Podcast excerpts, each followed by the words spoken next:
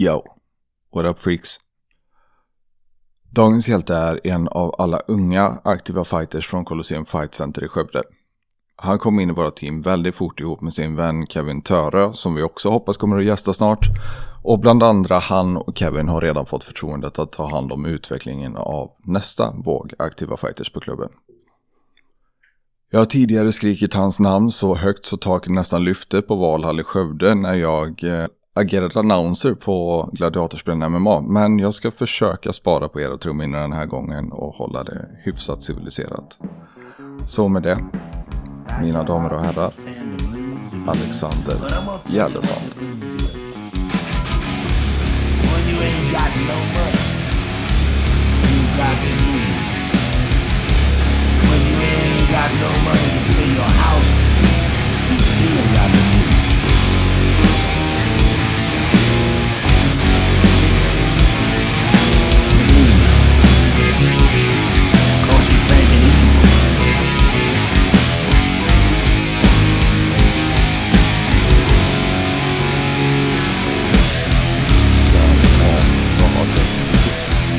Så, what the fuck, vi kör då.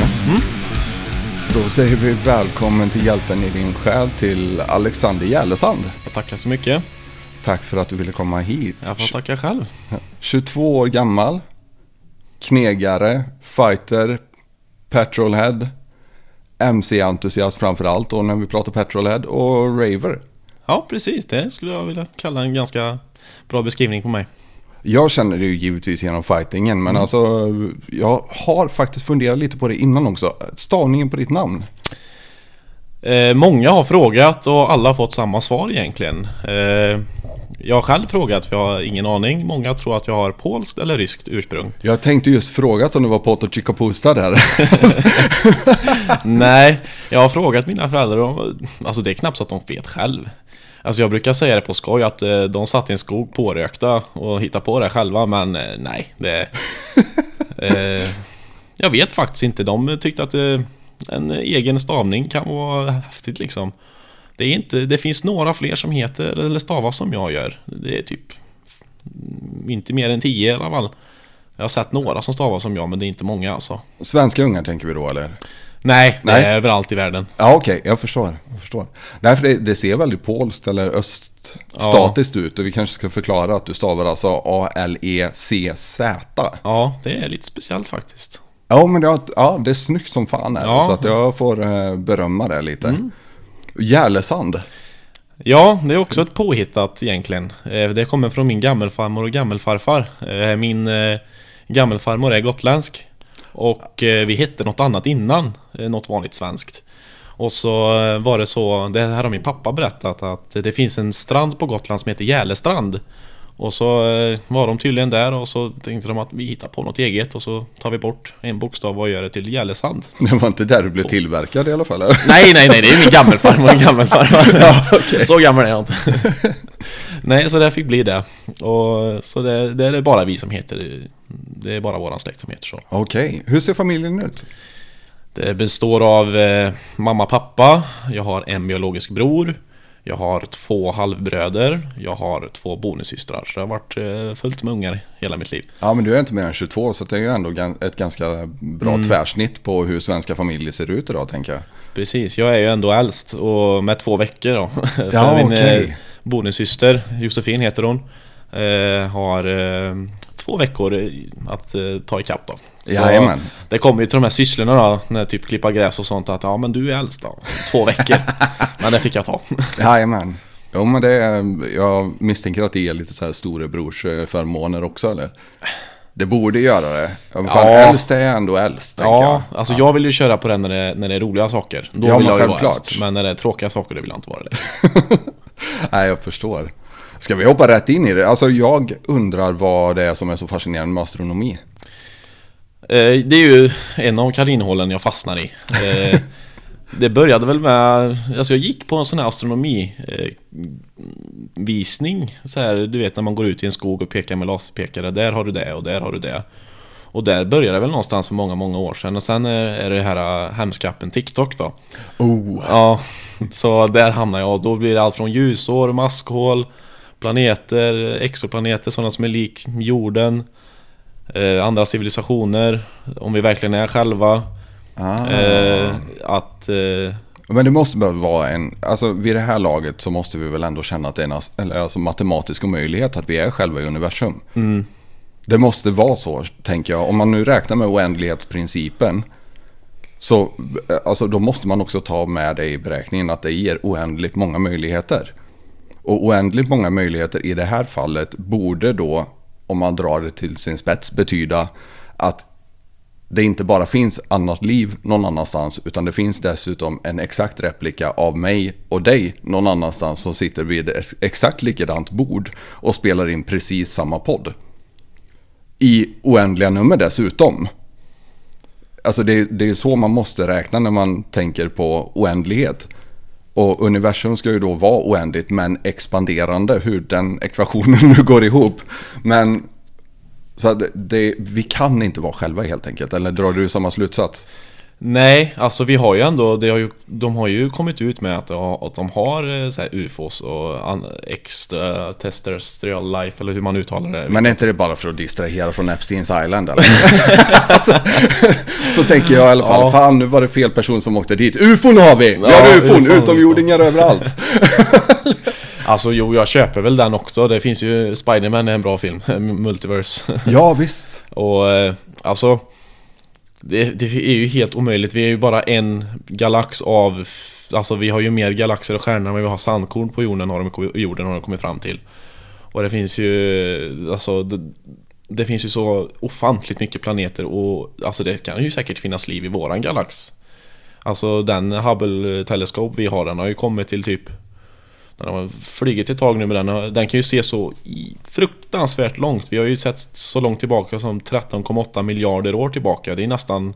Det är typ äldre än Big Bang har de kommit fram till. Eller typ bara några 200 000 år. Någon galax. Och... Eh, jag förstår inte... Alltså, det som är så sjukt, vi kan ta kort på en galax 13,8 miljarder ljusår bort. Men när det är någon som begår ett rån så ser det ut som Minecraft har eh, skapat den återskapelsen av... Filmat med en potatis. Ja, filmat med en potatis. Det är lite så här.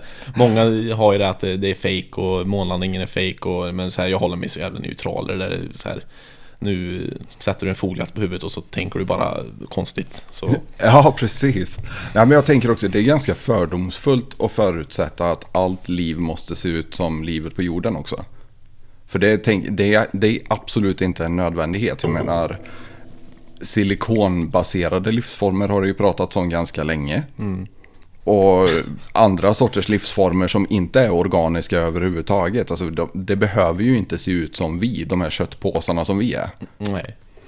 Alltså, om man tänker rent så här. Våran jord, vi har fruktansvärt konstiga djur som ser fruktansvärt alienliknande ut. Och det tar vi som vardag. Shit, åk ner i eh, djuphavet Ja. och bli förvånad alltså. Så här, NASA eller vad det var, de- jag såg den också en sån här dumma kaninhålet man hamnar i att jorden, alltså vi har ju bara utforskat 5% av våran, eh, av våran eh, liksom vatten eller av våra eh, sjöar och hav och men så vi vet ju mer om rymden än vad vi vet om vårt egna hav och många säger det att undrar vad var det som gjorde att de tänkte efter 5% att nej vi skiter nog i det här och kollar i rymden för att leta efter ett annat ställe att bo på för det här stället kommer bli skit om ett tag för att det är något monster som kommer äta upp oss allihopa. Så här, då, då bara, man bara va? Det säger också en del om hur jävla svårt det är att ta sig ner i djuphavet ifall Ja. vi föredrar att försöka kolonisera rymden före våran egen planet. Alltså Ja. innan vi har undersökt den möjligheten ens. Ja, alltså det är många som har sett det här äh, att de megalodon finns kvar och Loch Ness odjuret och man kan ju inte utesluta det heller med tanke på att det är de här 5% som vi bara vet om. Och de har ju varit nere på det djupaste. Där kan jag tänka mig att det finns väl inte så mycket att hämta där för det är konstiga fiskar mest. Men Dude, jag fick det här skickat till mig häromdagen. Alltså, jag vet inte riktigt hur jag ska beskriva det här. ja, Men det är alltså en Harry Frogfish kallas det för som vi kollar på. Det ser alltså ut som en ansamling med alger som har något sorts lockbete på pannan som är lite kukliknande för övrigt som det viftar runt. Så jag vet inte vad fan det där är för kukviftar dödsmaskin alltså men det är... Och den är inte ens långt ner. Inte ens det. Ljuset når ju för fan ner dit när man kollar på filmen. Ja. Den är inte speciellt långt ner, för är det typ 100 meter ner som det är precis kolsvart under havet eller? Det där är ju garanterat Australien, för Australien är ju hell on earth alltså. Det är det enda stället jag absolut inte vill åka till, för varenda farligt jävla djur som finns och alla äckliga djur, när det finns spindlar som är lika stora som tallrikar, blir jag såhär, nej dit ska jag inte åka, för är det så att man trampar på en sån spindel, då kommer de göra, ge ett ljudåkast och äta upp dig på två sekunder. Ja, ja, absolut. Jag vet inte, har du sett den här gamla memen med eh, How people think Australia is? Det är en sån här gigantisk jävla myra och en snubbe med ett svärd. Och så How Australia actually is. Det är samma gigantiska myra, samma gubbe med svärdet, bara med en dialogruta också. Kant! alltså, det, det säger ju en del om det. Fan, Ja. är det 70% av alla världens eh, dödligaste djur finns väl i Australien här för mig? Ja, och inte bara det. Det är inte konstigt att som australienare som fighters är helt knäppa. Jag tänker på att de måste slåss med kängurur och stora ormar och spindlar och vad fan vet de mer vad de har där nere. Det räcker inte med alla jävla giftiga djur heller, utan vi måste ha krokodiler, vi måste ha vithajar, vi har tjurhajar som simmar upp i sötvatten. Alltså, det där är ett helt jävla stört land och jag förstår inte hur någon överlever där. Nej, alltså jag förstår inte heller. Alltså, jag blir ju rädd när jag ser en liten eh, källarspindel hemma. Så hoppar upp på ett bord och bara nej, det där vill inte jag vara med och göra. Och så där, det är vardag. Och de bara, men det är bra att ha den i huset för den äter upp alla, eh, vad vet du det? Sådana äckliga små kryp som inte är så bra. Skadedjur heter det. Allt jag behöver veta är att jag såg en spindel som hade fångat en giftorm i sitt nät. Ja, Det är allt jag behöver veta. Alltså bränn huset, flytta från kontinenten. Vad fan behöver du mer för bevis? Ja, det, jag förstår inte. Det är så, jag har alltid varit en djurfantast också. För när jag var mindre, jag kollade ju mer på djurdokumentärer än vad jag kollade på barnprogram. Så jag har alltid haft, kunnat konstig fakta om eh, djur, men jag vet inte vart jag la min strumpa för fem minuter sedan. Nej, för fan. Finns det en och annan bokstav som eh, skramlar runt där kanske? Eller? Jag tror det, för jag har ju alltid bott med någon från att jag eh, ja, föddes tills jag flyttade hemifrån. Men när jag flyttade hemifrån så hade jag också en flickvän som jag flyttade ihop med. Och då hade, hade jag alltid någon som stimulerade mitt eh, sinne. Sen när vi gick isär så började jag gå och tänka lite och så här kände jag att fan det är ingen som styr min impulskontroll här nu. Så nu åker jag och köper en boaorm istället. Oh! Ja, och jag stod där och kliade mig. Det är även min bästa vän Kevin Töre Som eh, har exakt samma dumma jävla impulskontroll. Vi har varit bästa vänner i 17 år, shoutout till honom, min fucking broder. Ja, du, han, han måste komma hit också. Ja, han det har mycket roliga historier också, den killen. Eh, Vi eh, lärde känna varandra i första klass Eller precis, nej, jo vi började, han började ettan när jag började ettan när vi var 6-7 år gammal Så kommer jag ihåg att han hade glasögon, sån här snilsnöre för att ha koll på sina glasögon och en eh, mohikan Och hans värsta hot var att han kände ju Ninja Turtles privat då, så att han, No eh, var det så att någon bråkade med honom skulle han svärda ihjäl dem Dude, jag hade lyssnat. Det Ja, kan jag ja, säga ja. direkt. Alltså han var helt manisk den grabben när han blev arg, du vet vi hade ett bråk en gång när vi gick i tvåan Jag kan tänka mig han är en sån som tar allt som sitter löst. Ja, ja, du. Vänta bara, håll i hatten. Han, eh, vi började bråka en gång över någonting och den jäveln tar en kulspetspenna och hugger mig i bröstet. Och jag har fortfarande spetsen kvar i bröstkorgen efter det. Dude, det där Ja. är next level shit. Ja, men det är väl därför vi är fortfarande bästa vänner efter 17 år. Han är ju min äldsta vän och en broder för livet och han kommer vara gudfar till mina barn och allting. Jättebra vän. Nu har han gått och blivit eh, en man med koppel runt eh, halsen då. Och jag vet att han kommer lyssna på det här så han kommer skälla på mig. Men han har, han har ihop med en jättefin tjej så jag är jätteglad för hans skull. Men eh, du vet, det räcker inte bara att ringa mig när du vill ha någonting. Du får gärna ringa mig när du vill umgås också. Nej, skämt åsido, han är världens bästa vän. Ja, men det är en skön jävla kille och som sagt vi måste fan med se till att styra upp eh, så att han kommer hit också. Vi pratade ju om att vi skulle komma hit samtidigt men vi, eh, det blev ju aldrig så. Men vi hade haft jättemycket att prata om men han kommer säkert ta upp någonting jag har glömt. Nu gör jag det här på en budget också. Så Ja. att jag har faktiskt bara två mikrofoner. Det Ja. blir lite halvjävligt Ja, jag att få det, ihop med, det. märkte det med Henke och Simon där. Det blev lite i varsitt öra så. Ja, jo men det var mitt fel helt och hållet. Det var skit bakom mixerbordet. Alltså just nu så sitter jag och spelar in i mono. Men då spelade det in i stereo och jag fattade inte att man kunde slå ihop det så att det låter som mono. Att du har två separata ljudkanaler in. Och du kan redigera liksom volym och sådana här grejer på rösterna separat då, men slå ihop det till en monoinspelning.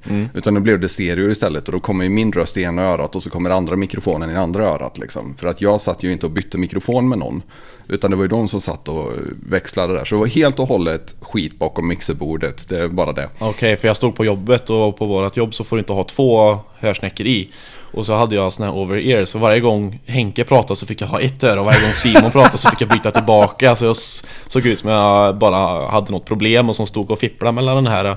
Och bara det, och får, man får inte ha over-ear där jag jobbar heller. Det är så mycket förhållande regler där du vet. Så det, Ja men det är horribelt där. Men eh, man kan ju förstå det också. Det är ju en säkerhetsfråga misstänker jag. Och som sagt, alltså, har ni lyssnat igenom eh, första avsnittet med bara en lur, alltså all cred i världen till er. Fuck up av mig, det ska aldrig hända igen, jag lovar. Så, jag var en av dem. ja, jo men alltså tack så hemskt mycket för stödet får man Ja. säga det. Men vad fan, eh, astronomin där, alltså, det började med någon sorts eh, kurs du gick då och sen har det bara accelererat eller? Ja, alltså det har alltid varit intressant från det för jag man, när man är liten och inte fattar någonting och det enda man tänker på är lego och peta sig i näsan och när man ska få äta nästa gång. Äta sand. Och äta sand ja. Ja. Eh, fast då kanske jag var 10 år gammal så kanske jag inte käkar sand fortfarande, men Eventuellt inte. eventuellt inte. Det, Alltså, dagens ungar är lite smartare än vad vi var, så jävla lätt ja, är det. Ja. eh, det är helt sjukt. Och jag är ju 20 år äldre än dig också nästan, så att det är... Ja. ja. Ja, Du eh, är men- definitivt smartare än vad jag var om jag säger så. Det vet du fan. ja, som sagt med Kevin där, vi, vi var så smarta så vi gick ut i kohagen och kastade koskit på varandra och fångade varenda djur vi hittade. Så kom vi in där på en sån här eh, container vad det är. Då Kevin han, alltså, han bara tog i saker och bara stoppade. Alltså det kunde ju varit en eh, huggorm och han bara Titta här en orm och så stoppade han den och så var det spindlar, ormar, ödlor och så gick vi in då. För då bodde han ute i Borrud heter det i Mariestad. Och eh, ställde mig där på bordet då när hans mamma och han, hans eh, bonusfarsa ä- åt då. Och hon blev ju så jävla arg på oss och bara Men vad fan är det här? Det kunde ha varit en huggorm, det kunde ha varit giftigt. Vi var ju asnöjda. Ja, ja, det är klart. Nya husdjur för Ja, fan. ja. Vem var Steve Irwin när vi, det var Kevin Töre och Alexander Gälesson ute i kohagen och plockade skit. Underbart att höra, men det, det låter ju ändå som Grey Day är uppväxt du, med, på den Ja. fronten i alla fall. Men hur var det hemma? Eh, lite upp och ner. Eh, jag har eh, världens bästa pappa och världens bästa mamma, det finns ingen tvekan om det. Sen, eh, de gick isär när jag var sex år gammal av eh, olika anledningar. Eh, man växer ifrån varandra och så är det. Och det kanske finns andra anledningar men det behöver vi inte ta här liksom. Det, Nej, får, nej, det får de ta. Det, det är gammal skit, det är fan... Ja, nu kan jag inte ens räkna, 18 år sedan typ eller något. Jo, men det kan ju kännas lite passé också, så det känns så eh, här, lite När man var liten så var det ju jobbigt och så här med nya ansikten när de hittar nya. Sen när man blev lite äldre tänkte fan det är rätt bra, man får ju mer presenter när man fyller år och det är julafton och fan det är rätt bra det här. Så då börjar man ju köpa det lite. Och har man turen också att det är bra människor så får man ju ganska många positiva influenser i sitt liv också, tänker jag. Ja, alltså ja. det är många människor man kan lära sig av. Ja, eh, som sagt jag fick ju två superhärliga bonussystrar. Som är, de, de är ju fort, de är inte kött och blod men vi har ju varit syskon så länge vi kan minnas. Och jag älskar dem lika mycket som mina vanliga syskon också. Vanliga, nu lät Fan vad härligt att höra. Jag har ju en biologisk bror och en, eh, två halvbröder och två bonussystrar. Eh, Jag är ju äldst med två veckor och hon, hon är lika gammal som mig. Sen har vi en andra systern är 18. Min eh, biologiska bror är 19. Fyller 20 år, helt sjukt i mitt huvud. Eh, Sen har vi min lillebror eh, Gustav. Som fyller... eh, Han fyller fan 14 i år du vet. Fan, Och Elias fort. fyller 11. Och så Filip då är min biologiska bror, han är 19 och så heter de Josefin och Johanna. Josefin är den äldsta och Johanna är den yngsta. Okej. Så det har alltid varit mycket barn i, i, i bilden. En anledning till varför jag inte vill ha många barn, för jag vet hur jävla stökigt det kan bli. Så, ja. Men samtidigt är det något speciellt med det där att växa upp med massa omkring sig också. Ja. Det är någonting som är så jävla beroendeframkallande med det. Och man, är, man har alltid någon att prata med, alltid någon att vända sig till. Och Ja. liksom, Så jag kan ju känna samtidigt att det kan vara asskönt att ge barnen det också ifall man hade det själv. Precis. Eh, Pappa hade ju mycket jobb att göra så han, han hade svårt, eh, jag vet att han har pratat med mig om förut, att han eh, han ångrar jättemycket att han inte fanns där alla gånger när vi hade matcher och sånt och han har ju kollat på mina två MMA-matcher jag har haft och det har ju betytt jättemycket för mig och jag har fått höra hur jävla nervös han har varit själv. Han har ju själv tävlat i kampsport så han vet ju hur det är. Mamma är ju anti det där, hon bara Måste du slåss? Ja, men det, det är ju uppstyrt slagsmål det där. Jag bara, Alltså Ja det är ju uppstyrt på ett sätt men du har ju förhållanderegler att hålla dig till. Det är ju inte gatuslagsmål för då hade jag tagit en tegelsten och drämt huvudet på den andra om jag hade fått chansen. Ja, men nu är det ju teknik, det ser ju ut som ett allvarligt vev. Det kan det vara, det kan vara riktig brawler shit alltså. Du går in och svingar för livet. Men det vinner du inte så rätt ofta på. Det kan ju vara en lyckoträff och så är det ju över. Men man vill ju ändå testa det man har lärt sig. Och så. Men eh, mer med familjen där så Det är som du säger, mycket influenser man får. Och eh, Pappa har ju haft samma sen han träffade ny Sen eh, ja, alla år tillbaka. Mamma hon hade träffat några Men det var väl inget att ha. Sen träffade hon den som hon har eh, nu. Vi är väl inte bästa vänner, jag och han. Eh, Jag vill väl inte prata så mycket om alla familjer så men han vet att jag hatar honom och min morsa vet också det Så det är ingenting jag skäms över att säga heller eh, Han är ett eh, rövhål och varit i många år Ja okej, beklagar. Får jag göra. Men det. Jag beklagar för hans del för att han eh, inte fattar bättre så Det är hans förlust Absolut. Jag menar, hur fan det än är när man är i sådana här situationer och det är inte lätt att dejta med barn och så Nej. vidare inblandade. Det är en jävligt svår situation. Men man har ju ändå ansvaret på sig då som vuxen att vara den vuxna, Precis tänker jag. Eh, sen eh, när jag skaffade det här motorcykelintresset Pappa och min bror skaffade ju först och sen skaffade jag och nu har vi ju något gemensamt ännu mer nu kan vi åka ut och åka motorcykel och det är, det, alltså det, det är lite annat nu för när man är vuxen då blir det inte det här pappa-son längre riktigt. Då blir det, det blir som ens bästa vän istället. liksom. Man umgås som jämlikar på ett ja, annat sätt. Ja, för alltså pappa är ju alltid min pappa. Han, eh, det är min förebild, hjälte och alltihopa. Men eh, det är mer... Det är inte det här, han behöver inte uppfostra mig på samma sätt längre. Alltså att nu ska jag vägleda dig, nu är du vuxen och gör vad du vill. Och, så att det är ju mer en bästa vän som har lite mer befogenheter än vad en annan vän har med mig kanske. Han har lite mer att säga till om det skulle vara så. Man, man lyssnar lite noggrannare. Så Ja, man lyssnar lite li- Och så, så måste det ju nästan vara också. Ja, han säger, alltså jag kan ju inte skälla på det för jag har väl säkert gjort samma sak tusen gånger värre så jag kan ju bara tillrättavisa det att gör inte så för det är inte bra. Sen om du gör det och du får ta konsekvenserna för det så har jag ändå sagt till dig och gjort min roll och sen om du gjort något riktigt korkat så får jag väl säga till dig lite ordentligare. Ja, men skönt med den insikten i alla fall då. Ja, ja han, eh, han hade väl också en ganska stökig uppväxt så han har ju varit med om i princip allt. Så han har ju mycket att vända sig tillbaka till. Och det har väl gjort det till den jävligt starka man han är idag. Liksom jag har aldrig sett han gråta, jag har aldrig sett han ledsen. Jag, är alltså, jag har aldrig träffat en så hårt jobbande man i hela mitt liv. Alltså det finns inte en man som jobbar så hårt som han. Han säger ju det, nu har han ju en, en väldigt bra position på jobbet men han säger det att han ska bli vaktmästare och ta order bara när han är 55 sen för han är så jävla trött på att säga till folk vad de ska göra så han Nej ska bli vaktmästare och bara gå och sopa eller något och gå och vara gubbsur Ja det blir bra det pappa säger jag Ja men det är en bra framtid, det får man ändå säga. När man har gjort allting, då kan det fan vara skönt att bara varva ner med en sopkvast och skälla på dagens ungdom tänker jag. Alltså, jag tar jag mig till den åldern, då kan du ge dig fan på att jag kommer att ta med mig en ny nivå av bitterhet också i gammalgamet. Du är ändå finsk också så du har, Ja, ju, ja. du har ju det här bittra i dig redan Och sen utvecklas det väl mer för varje år och Jag kan tänka mig att du är en sån här envis finne som kommer vara första som lever till 200 typ Jag vet inte, alltså jag, jag har alltid, eh, alltid haft en eh, lite konstig inställning till livet kanske. En självbild eller? Ja, dels det också. Jag, jag tror inte jag har någon självbild i stort sett. Det är jättesvårt för mig att sätta fingret på vad jag är, vad jag vill bli, vad jag vill göra. Jag har ärligt talat inte en jävla aning.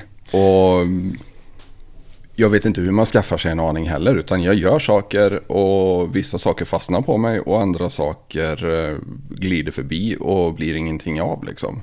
Jag är lite likadan, jag tar det lite som det kommer.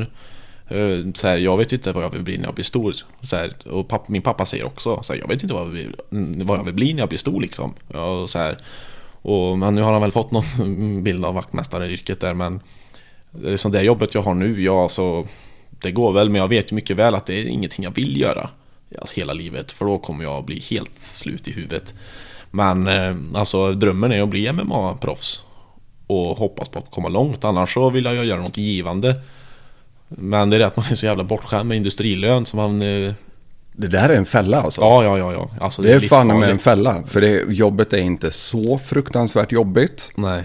Mm, och man får bra betalt för det. Och med det så brukar man ju också lägga sig till med massa utgifter som man måste ta hand om. Nu är väl du relativt obunden vad jag förstår. Är du singel eller? Eh, ja, jag var ju singel i, jag har varit singel i ett år nu. Eh, jag har väl börjat träffa en så som jag, nu känner jag väl ändå att, eh, ja men nu, nu är det väl dags att stadga sig igen. Jag är ändå 22, som, så gammal är jag väl inte men Nej, det är ingen ålder. Nej, alltså men det är, Jag har alltid varit någon som gillar att ha någon och liksom visa sin uppskattning till och eh, liksom kunna finnas där med tanke på att eh, det har varit lite svajigt med Alltså det är inget varit, inget varit, inget varit fel på mammas och pappas kärlek till mig, absolut inte Men det har varit så mycket runt om dem som är utöver deras kontroll som gör att man har man man bearbetar saker på ett sätt och man tar det på ett sätt. Och man Man kan ju alltid forma sig Efter en viss människa. Det är som det här exemplet Två bröder har en alkoholistfarsa. Ena, eh, pappa, ena brorsan ser på pappa och blir alkoholist För att det är allt han vet. Den andra blir en framgångsrik eh, businessman För det är allt, hans alkoholistpappa är allt han ser. Han vill absolut inte bli så. Han vill skapa en helt annan eh, liksom förutsättning för sina barn sen så det blir ju lite vad man väljer att göra. Alltså jag förstår båda två. Alltså blir du en alkoholist och det är allt du vet. Alltså jag dömer dig inte för Är det det enda du vet om det är klart fan du hamnar där. Men samtidigt Så har du en andra som tar sig ur skiten Gör någonting åt det och liksom bildar sin egen uppfattning. För jag vet ju precis vem jag inte ska behandla mina ungar som eller om jag har extra barn. Och det är ju som min mammas kille så som han behandlar mig. Mm. Det är absolut ingenting jag vill bli. Ja, men det är ju jättebra med den insikten också. Samtidigt så måste jag nästan vara lite djävulens advokat och ursäkta de som hamnar där ändå. För att det, på något vis så är det ändå det man lär sig av sina föräldrar. Det sitter kvar i din ryggmärg så hårt. Alltså du ska lära dig att älska av dina föräldrar. Du ska lära dig att vara en bra person. Du ska lära dig så jäkla mycket. Du ska till och med lära dig att bråka på ett civiliserat sätt. Så att du liksom, föräldrarna har ansvar att bråka på ett civiliserat sätt så att du lär dig som barn hur man gör saker. Och alltså man går tillbaka till det som man var först. När man blir pressad, det vet du också. Alltså om du börjar bli slagen i huvudet, allt du tänker på är att börja kasta folk, eller hur? Det är... Alltså om judo var din första kärlek, din första kampsport, då kommer du bli judolirare varje gång du blir hårt pressad. Och precis så funkar det ju mentalt också med alla de här referenserna, tänker jag i alla fall. Nu är det här ren jävla bro science, jag har egentligen inte en jävla aning och ni borde absolut inte lyssna på mig när det gäller sånt jag- här. Men Det jag tänker det också när man blir trött, alltså du är du jobbar ett jobb som du hatar, du har familj som hatar dig, höll jag på att säga. Nej, men du träffar inte dem så mycket som du vill, du tappar liksom din jordning på ett sätt. Och är bara slut för att du får inte sova speciellt mycket som förälder, det bara är så. Det är klart som fan att när du hamnar under den pressen så finns risken att du återgår till ett beteende som du inte vill ha. Precis.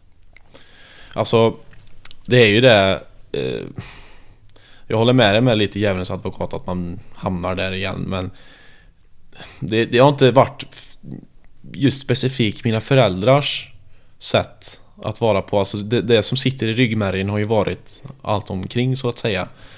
Eh, jag hade, var väldigt utåtagerande som mindre men då, hade, då mådde jag inte bra heller. Jag var jätteledsen, jag mådde dåligt, jag var nog deprimerad. Var du fysiskt aktiv som ung?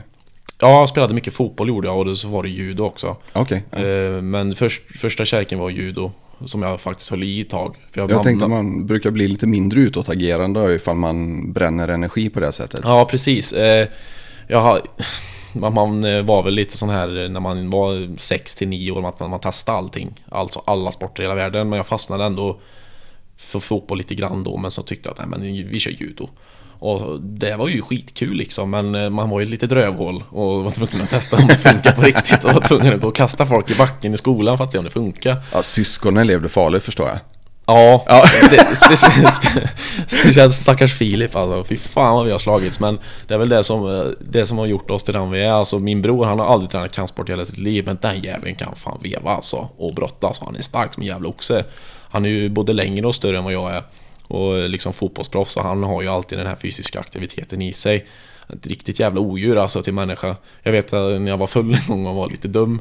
Så kände jag hur bara mina fötter lyfte och han bara Alltså textbok suplexa mig åt helvete Oh snap! Ja, och jag blev så här.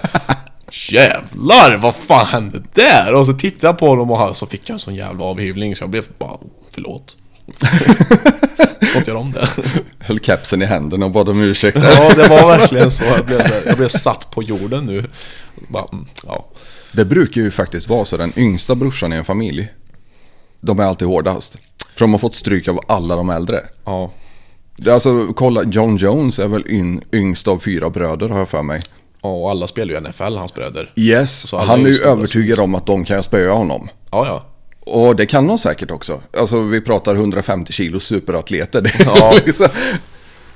Jag har ju min lillebror Gustav också, han har ju lite så här diagnos men det har varit både nackdelar och fördelar som sagt Pratade med dig om förut om det innan vi började spela här att eh, han, han är ju så särbegåvad på ett sätt så han, han Många, så här, har man autism och sånt så brukar man bli jävligt bra på en sak och enbart den saken För jag hade en barndomsvän som var jätteduktig på matte och dataspel och sånt för det var hans grej Men det som med Gustav då Han hade så mycket olika faser med saker han eh, grottade sig ner i Först var det ju taekwondo, sjukt duktig alltså Han är ganska stor för sin ålder också, han vägde nästan 6 kilo när han föddes Så det var en jävla bjässe Är han född tidigt på året också eller? Ja, Eh, nej, i oktober. ah, okej, okej. För Han är född tionde, om- tionde, tionde är han. Oh shit! Ja, det Ja. är lite coolt faktiskt. Och, så han blev jätteduktig på taekwondo. Första tävlingen han gjorde i Göteborg, en jättestor tävling för så unga som han är, bara körde igenom alla. Vann direkt. Fan vad coolt. Och det finns, jag vet inte, jag kan inte komma att tänka på en enda tävling han inte har tagit medalj i någonting.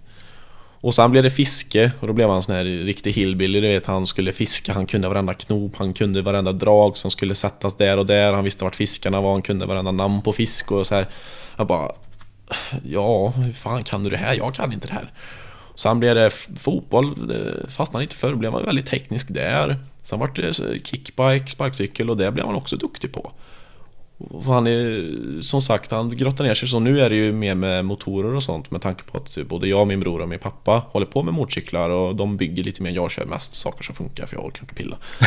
eh, så, och han, eh, så här, han hatar att läsa men eh, så här, manualer och så här, hur du ska få ihop en motor från scratch liksom, det löser han direkt. Han läser en gång, han lägger upp allting, han fipplar ihop allting. Han har ju liksom, han är 13 år och renoverat fyra stycken fyrlingar som han har fått som så här, av sina polares papper och sånt. Så här, bara, men du kan få fixa den här så får du lite pengar. Ja, han lägger ner all tid på det han har. Alltså när han kommer hem från skolan, går ner i källaren, fixar allting.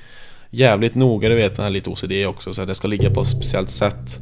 Det ska vara på ett speciellt vis. Och liksom, alltså hade jag haft något hemma så här, om jag hade haft en äldre motorcykel som inte funkar liksom, eller så här, bara, vill du fixa det? Så här, visst, men han är ju lite, han är ju ung och så, så man tänker att ja, han kanske är lite slarvig så, men han, han, eh, han är så fokuserad på just det. Så man, han kommer säkert bli någon slags mekaniker eller så hoppas på att han blir eh, jätteintresserad i typ advokat eller något så blir, blir rik också. Jo, man kan ju hoppas på det i alla fall. Ja. Det, men fan, det låter ändå som att du har ett härligt urval med, med familj omkring dig. Hur ser du på det där med att ha familjen med när du slåss? Vad, Eh. måste fråga dig, för jag tänkte på det när du sa att din eh, farsa hade sett eh, matcherna och det. Är de på plats eller? Ja, eh, pappa, min bror Gustav då, han eh, och min eh, bror Filip och även min syster Josefin, hon tyckte också det var lite spännande så här, för de kollade ju när jag körde i Skövde på Colosseum där. När du var announcer. Yes. Vilket jävla liv det blev när jag gick ut eller? Ja, det var underbart. Ja, det och det, jag kände det redan när jag började liksom Ja. presentera vart du var ifrån, att trycket började öka i Ja. publiken. Och då gick ju jag igång också, så att jag var ju tvungen att skrika sönder mig lite där. Ja, det var, det var sjukt häftig känsla. Så här, man kommer ut och det är typ 700-800 personer bara gapar. Ja, För jag taket är ju hur- på väg att lyfta. Ja, de sa det, kommentator, eh, kommentatorerna sa det efteråt, så här, eller när jag väl gick ut att oh, så här, oh, jävlar vilket tryck det blev så här, ja. För jag hade så mycket kompisar där som kom och kollade också och det gav ju mig en sån jävla confidence också. Men sen visste jag att jag hade pappa och mina bröder och sånt. Och det, det påverkade inte mig så mycket för jag var ju så fokuserad på mitt. Så jag kommer ju att tänka på det efteråt så här, För när domaren sa fight, alltså det var som att en ridå gick runt själva buren. Jag såg ingenting. Alltså jag såg bara, jag fick tunnelseende och såg bara min motståndare. Jag såg inte eh, mina eh, domaren. Men jag hörde fortfarande mina coacher Vilket jag var jävligt eh, glad över. Så eh, Många säger att det är en fruktansvärt bra första match Jag vann ju den tyvärr på diskning då Just det. Ja, Just det. för eh, han fyllde, jag kör ju bara B-klass och då får du inte slå på backen Ja, det gick jävligt bra för mig tills jag eh, började vara lite nonchalant för jag tänkte Fan, den här killen har jag liksom spöat på honom ordentligt så här, Träffat varenda slag, jag bara fan allting bara klaffar Så jävla farligt. Ja, och så här, sen kom jag på det bara just det, fan det är ju publik du vet och då drog jag till den här eh, jumping switch kick du vet och träffade rätt i ansiktet och alla bara ställde sig och gapade och. Och då fick jag ännu mer och då började jag ju latcha lite. Och det var ju väldigt utöver min kapacitet kanske. Så jag slarvade lite med garden och blev slagen på hakan och trillade ihop då. Jag svimmade aldrig, alltså det svartnade ju för ögonen så jag satte mig på arslet och så följde han ju efter med ett slag som man inte får göra Just i den klassen då. Just men jag ställde det. mig upp direkt och när jag ställde mig upp så såg vi ju tre av honom så det var ju så här, wow, den var hårt. och, men eh, samtidigt så hade inte, han blivit diskad så hade dock, eh, så här, läkaren eh, stoppat fighten för han hade dragit sin axel ur led. Ouch! Ja, Och han i typ i fortsatte? Ja, i typ början av matchen. Han skulle jabba mig, missa och overextenda och drog axeln ur led. Jävla odjur och han bara fortsatte leverera ändå. eh, jävligt bra kille, han är skitsnäll också. Kommer vi ihåg vad han heter? Ja, Chipego Liambi heter han. Ja, shout-out. Ja, My han man. är riktigt djur alltså. Jag åkte ju upp till honom eh, någon vecka efteråt i Stockholm och tränade på Kampsportstadion där han är ifrån. Jättebra klubb, shoutout till dem. Jag tränade på Kraft. Också, ja, Mm. där är även eh, Nico, gammal UFC-fighter håller. Musuke. Ja, Soka. Ja, just det. Eh, tränade med Kevin Törres första motståndare eh, Martin Karlsson Skitduktig också så jag Och där blev jag sänkt på en leverspark så, Åh, ja, fuck me. ja, den träffade verkligen på levern så jag sänkte bara gick ihop du vet och så stod eh, Nico där och eh, Fan heter han? Han är också en UFC-fighter Som är från Sverige som eh, eh, Fan heter han? Ah, jag kommer inte ihåg Vem kan det vara? Det är inte uh, Resa kanske, eller nej? Nej, Nej, han är inte där. Han... Nej. fan heter han? Eh, 77 tror jag han är Alltså vikt Proffs, han är också från Stockholm Varför brainfart? Inte Bjälkheden? Nej. Nej, han är eh, assyr tror jag Eller från eh, något, som, något av de länderna Fuck att jag inte får ihop det här. Vi får kolla upp det så småningom här. Ja. Eh, och då stod de och kollade på mig, du vet jag tänkte fan heller att jag blir stängt där Och så ställde jag mig upp på så här gameface, du vet och så bara nej jag måste sätta mig där lite igen. Alltså leverslag är fan det värsta som finns alltså ja, vi kanske ska förklara det. Alltså, det, är, det är en säck med gift. Ja, alltså När du blir träffad på den, där, du går ner ögonblickligen. Ja, alltså det är nio och en halv gång av tio du går ner om du träffar rätt Ja, ja. Och För många frågar, alltså så här, de som vet lite om fighting Tar du, tar du en hård smäll i ansiktet eller tar du en hård spark i levern? Jag tar en hård smäll i ansiktet varenda jävla gång och två gånger på söndag. Så det Ja, är ja, utan problem. Levern är fruktansvärd att bli träffad i. Mm. Och Bas Rutten pratar ju ofta om det här för att han skickade ju alltid sin fruktansvärda jävla leverspark Mm. på folk. Hela hans matcher gick ju i stort sett ut på att han satte upp leversparken. För när han väl fick till den så visste han att han behöver bara träffa någonstans på överkroppen inom de närmsta fem minuterna så går de ner igen. Ja, Alltså du kan pricka någon på garden vettigt med en spark efter de har blivit sparkade i levern. De går omkull igen för att då skakas det omkring och äh, fy fan. pissar man blod i tre, fyra dagar sedan Ja det är mysigt på tal om det. Såg du, jag kommer inte ihåg vems jävla urinprov det var nu men det var ju en, Jag tror han hade mött han eh, Siberian Rocky. Vad fan är det han heter? Han har ju så mongoliskt utseende. Killen. UFC eller? Nej, det är boxning vi pratar. Dimitri Bivol eller? Nej, Siberian Rocky. Fan, jag måste kolla upp detta för att ehm, han hade så fruktansvärt mördande stil. Det var ingen som ville möta honom överhuvudtaget för att vinst eller förlust så det kostar så mycket. Du kommer att vara paj så länge. Nu sitter vi här och googlar båda två. Ja, jag ska leta, leta rätt på han eh, som... Eh, ja, han med Siberian. Nico. Så ja. Oj, nu. Ja, Jag kan slå i den också. Ja, alltså touchar man bordet eller mixstativen så får man så här skön fjäderresonans ut i mickarna så Ja. du vet det. Ja, det var inte meningen. Nej, det är alltså återigen, det är jag, Ruslan Provodnikov. Ah, jag tror det var en av hans motståndare som hade fotat sitt urinprov efter en match. Det ser ut som cola. oj. Då, då har man fått bra med smäll på njurarna alltså. Fy Vad är det Alex sitter och googlar tror vi? Jag letar efter det. Eh, Ja, just det. Var Han börjar på R. R. Jag tror han börjar på R. Vi får väl googla svenska UFC-fighters. Alltså det är ju så jävla pinsamt att man inte har koll längre. Men vi börjar faktiskt bli, eller det börjar komma några stycken. Ja, han är gammal i gamet den här killen. Han, det var många år sedan han tävlade tror jag. Rostem Akman. Au! Kurdimus Prime. Ja. alltså, ja, han satt ju också och kollade vet du. Och så bara fan nu är det två UFC-fighters som ser mig bli toksänkt här. Jag bara fan. Ja. Men eh, sen eh, Ro- Rostem sa det till mig så här att eh, släpp istället. Du, du har för mycket respekt så här, För man, man kommer ju alltid till en ny klubb med lite mer respekt. Man vill inte sätta igång någonting. Och så släppte jag lite då. Och då gick det väl ändå ganska bra. Men fan det är annat virke där uppe. Alltså de är duktiga. De är duktiga som fan. Ja, speciellt på Kampsportstadion där körde mot en kille, Jafar heter han. Eh, vann ju SM i A-klass på när, vi, när jag körde. Okej. Körde med honom och bara kände alltså, åh han dogwalkar mig alltså. Fan vad Ja, horribelt han det är. när ju, man, ja. Han är ju fostrad av eh, Jimmy. Eh, deras tränare där som är riktigt jävla vass alltså. Han var duktig fighter själv också så han har ju mycket inblick i det där. Riktigt bra kille.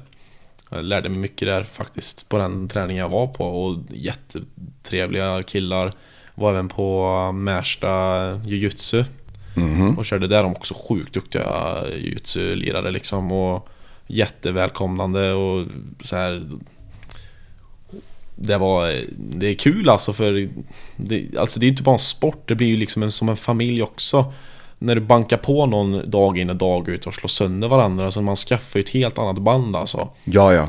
Alltså jag har försökt att förklara det här för folk för att alla tänker ju att det är ett otäckt ställe att, eller när man inte har varit där i alla fall. Och att alla är hard asses och att alla bara försöker döda dig. Men det, ingenting kunde ju vara längre ifrån sanningen egentligen.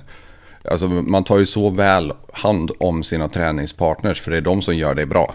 Precis. Sen finns det alltid någon jävla rövhatt som eh, ska ha lite extra stryk. Det finns det, Ja, absolut. Men eh, det brukar oftast vara så att alla spöar på den killen lite extra för att han är en rövhatt så att han antingen lugnar ner sig eller slutar. Sen har vi också väldigt bra instruktörer som brukar sålla ut sådana Ja. för att det Ja, enligt mig i alla fall och nu har ju vi en ideell förening som vi driver så att vi har ju inte det vinstintresset men skulle man driva det som ett företag då Alltså det är ju någon som skadar dina kunder Precis. och det måste du bli av med. Det tänker jag i alla fall. Jag vet att eh, Matt Thornton som eh, är huvudtränare för SBG, alltså Straight Blast Gym som Connor kommer ifrån bland annat. Och som har eh, filialer i hela världen. Han sa det att jag går ut på mina träningar och letar aktivt efter människor att skicka ut. Människor som kör lite för hårt, människor som har liksom som beter sig illa och skadar andra människor. Precis. Han letar aktivt efter dem för att de får inte skada hans kunder. Och det ska vara ett säkert ställe liksom. Precis. Och så känner jag också kring MMA, även om det här var BJJ då. Jag menar, MMA är ju exakt likadant. Det finns alltid några stycken som tar sönder sina träningspartners och så vidare. Men de brukar inte bli långvariga på någon klubb egentligen. Nej. man vill inte ha sådana heller för att ehm, eh, jag är ju själv tränare för nybörjarna och jag säger det hela tiden att det är jättekult att göra det hårt och snabbt och, men du kommer skada dig själv eller någon annan och det värsta är om du skadar någon annan. För även fast det är mitt ansvar så ligger det även under ditt ansvar att du behandlar den träningspartner som du själv vill bli behandlad. För även fast du tänker att du ska bli bäst så tänk, får du även tänka på att den du tränar med ska också ha samma förutsättningar som dig och vara bäst också. För det spelar ingen roll om du är världsmästare i allt, aldrig förlorat. Alltså Floyd Mayweather till exempel, han har sagt att det finns så många som han har fått så mycket stryk av på träningarna. Även fast han går 50-0 eller vad han går. Ja, jag brukar säga 49 plus Connor. Ja, 49 plus, eh, plus uppåt med alla eh, så show, eh, showfights. Men liksom... Tränings, utan dina träningspartners så har du ingen. Hur fan ska du bli bra då? Du är ingenting, du är så bra som ditt team är. Ja, det, är, det, är ingen ensam, det är ingen ensam sport. Det är världens ensammaste sport när du är i buren. Men utanför det, det är så mycket mer alltså. Det är, den ultimata det är trä- lagsporten. Precis.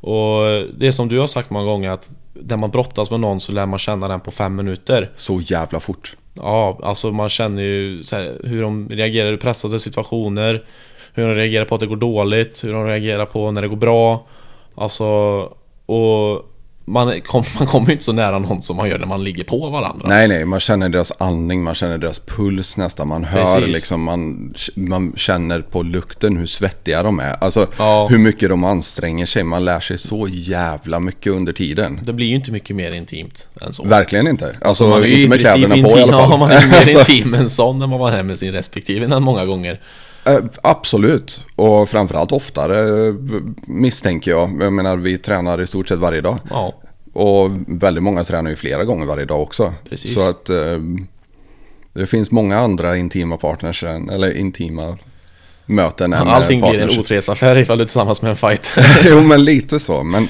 då måste jag ju fråga dig om du eh, har börjat träffa någon. Hur, eh, hur ser stödet ut därifrån? Ja, det är väl bra att jag tränar. Nej, men eh, hon är jättebra. Hon eh, s- ser väl inget mer på det så. Det är ju liksom, det är ju kul att jag håller på med någonting och det håller ju mig fysiskt aktiv och Jag tänker på det, det är ändå ganska mycket uppoffringar som man får göra kontra någon som inte håller på med något som liknar elitidrott. ja, alltså hon, är, hon har ju hållit på med mycket hästar så hon vet ju Ah, hur det är att lägga undan tid på annat än eh, nära och kära kanske. För- Gör hon den också eller? Ja, jag, ja eh, inte lika mycket nu. Jag höll på mycket med trav förut och då är det ju enbart hästar hela tiden. Men hon hjälper eh, kompisar och eh, rida in och sånt för eh, det, det förstår inte jag. Alltså folk säger hur kan du gå in i en MMA-bur? Hur fan kan du sätta dig på en häst? Den, alltså du har ju ändå lite styrsel över vad den andra gör och vad du själv gör. Men får en häst för sig att nej nu ska jag kasta bort dig och du har absolut ingenting att säga om det. Och sparkar jag dig då är det oftast tack och godnatt eller så har du gått, av någonting. Jag höll på mycket med hästar när jag var yngre och lite morsans fel att hon eh, guidade in mig i det. Men eh, jag konstaterar efter några år att eh, motorcyklar och kampsport är mycket säkrare.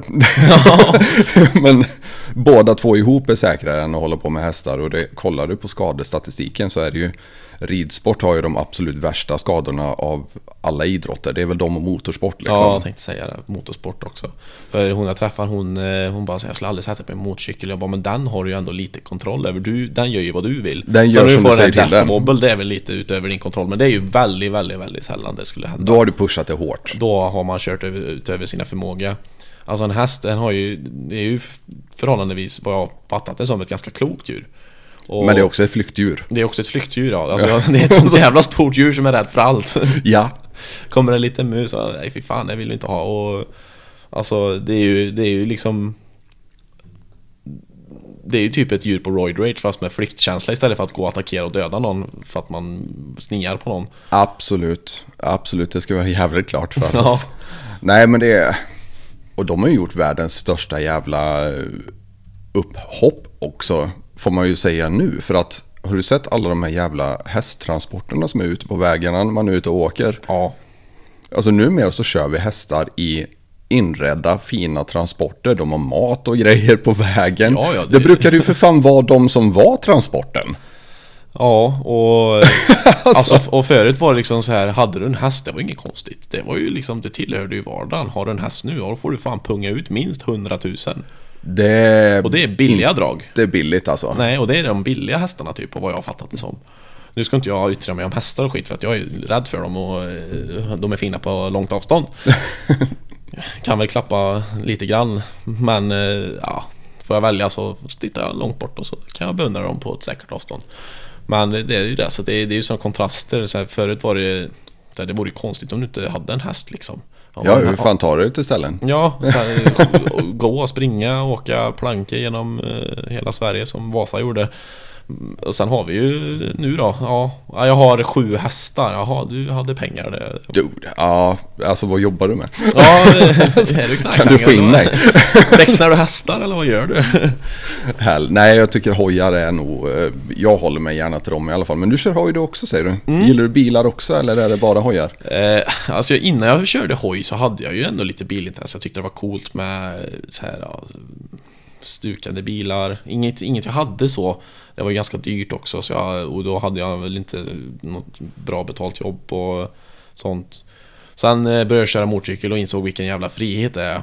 Alltså, och hur kul det är och liksom hur fort de kan gå. Det går helt så sjukt. jävla fort. Ja, alltså konsekvenstänket när du sätter dig på en hoj med lite för mycket hästar och du bara hör hur du låter på typ 11-12 tusen varv och man bara oh det här är gött. Och sen, eh, sen när man kommer hem och så här, eh, man har slutat åka så ställer man sig där och så går man igenom bara, ja men det var fridfullt, det var fin natur och jag höll på att köra ihjäl mig sju gånger, bröt mot fem trafiklagar och kanske ska chilla Enligt lite. hörsägen ska vi Ja, tillägga. precis. Enligt Nu- jag ska hörsägen. aldrig göra nej, det här. Nej, precis. Eh, Men eh, det kommer från eh, en annan fågel som viskat i mitt öra. jag vet det, precis Jag refererar till TikToks återigen. Ja, eller hur? Ja, eller hur? Mm.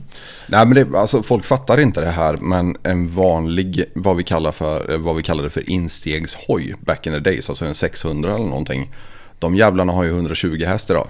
Ja, det låter ju inte så mycket heller. Nej, men, de väger 150 Ja. kilo. Så alltså, vi börjar ju närma oss F1 prestanda Precis. i vikt mot kraftförhållande. Och du köper dem för 50-60 tusen. Mm, det är det som är så sjukt, du får så jävla mycket hoj för pengarna. Typ, du har ju de här Kawasaki H2. En sån Ja, kanske kostar fuck tre, me. 300 000. Och med den kraften, du kör ifrån varenda modifierad bil du kan hitta egentligen. Alltså, det, de kör ju ikapp de här Bugattis och allt möjligt. Och det är en hoj för typ 350 000 max. Och en Bugatti, vad kostar den? Typ 20 miljoner. Hur fan behöver man inte en speciell jävla licens för att köpa sådana hojar? Jag fattar inte att vem som helst får gå in och bara punga upp och plocka med den hem. Ja, det är ju, det är ju en dödsmaskin. Men... eh, Ja, ja, ja. Alltså det är ju det, typ en sån Suzuki eh, 650 eller 700 En sån med typ 75 häst.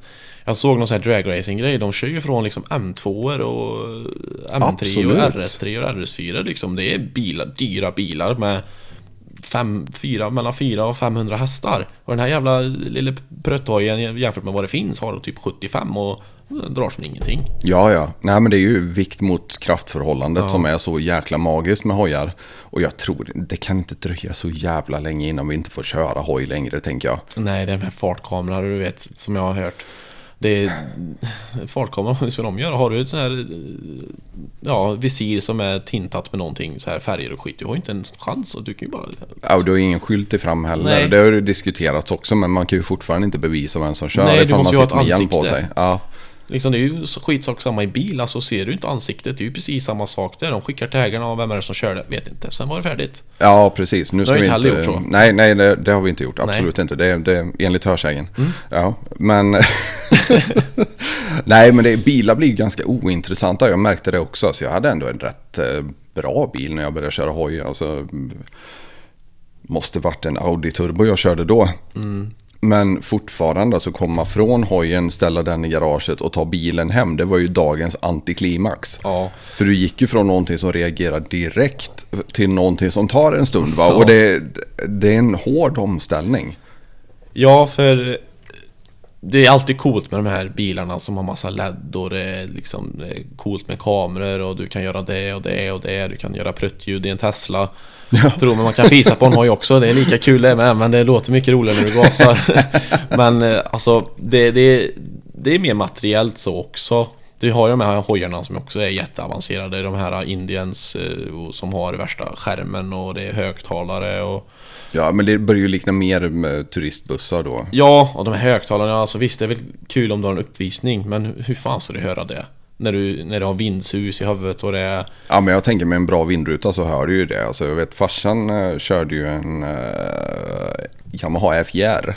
Mm. Alltså här, riktigt touring on- ånglok som hade alldeles för många hästkrafter för honom egentligen. Tyckte Ja. ju jag då. Men eh, alltså, han skötte det ju snyggt ändå. Men han fick ju ändå körkortet på köpet när han tog bilkort back in the days. För de var lite senare i Finland med det än vad de var i Sverige.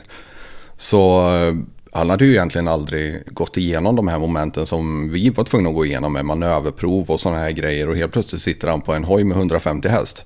Alltså eh, jag var inte helt bekväm med den situationen från början kan jag ju säga. Men det var ju, det var ju bara löjligt. Alltså du sitter ju med ett reglage på vänstersidan tror jag det är. Som styr hur högt vindrutan ska sitta. Så du kan ju styra luften förbi dig helt och hållet. Ja, och dessutom fälla ut ben, benskydd som skyddar för vinddrag och sådana här grejer också. Så det leder luften förbi benen också. Mm. Alltså du är ju inte ens påverkad av elementen vid det här laget. Nej, alltså jag har, jag har ju... Jag har ju kört några hojar som har såna här jättekonstiga funktioner. Du har sport, du har eh, eh, traction control, du har allt det här. Du, sport, sport, sport och överallt och det tar bort varenda säkerhetsåtgärd du har liksom. Och det bara gasar sig bra ut. Så det är... Men vad är det du kör för någonting nu? Vad har vi på den? Nu har jag en eh, motorcykel ganska, inte jättekänd, men när jag såg den så tänkte jag att fan den här är cool alltså. Den hade ju farthållare, den hade sportläge och ekoläge och eh, väldigt, väldigt cool på ett sätt. Alltså den liknar lite Ducati Street Fighter på ett sätt. Ja, Men typ lite futuristisk på ett sätt, för den kommer ju från Kina. ja. Kina.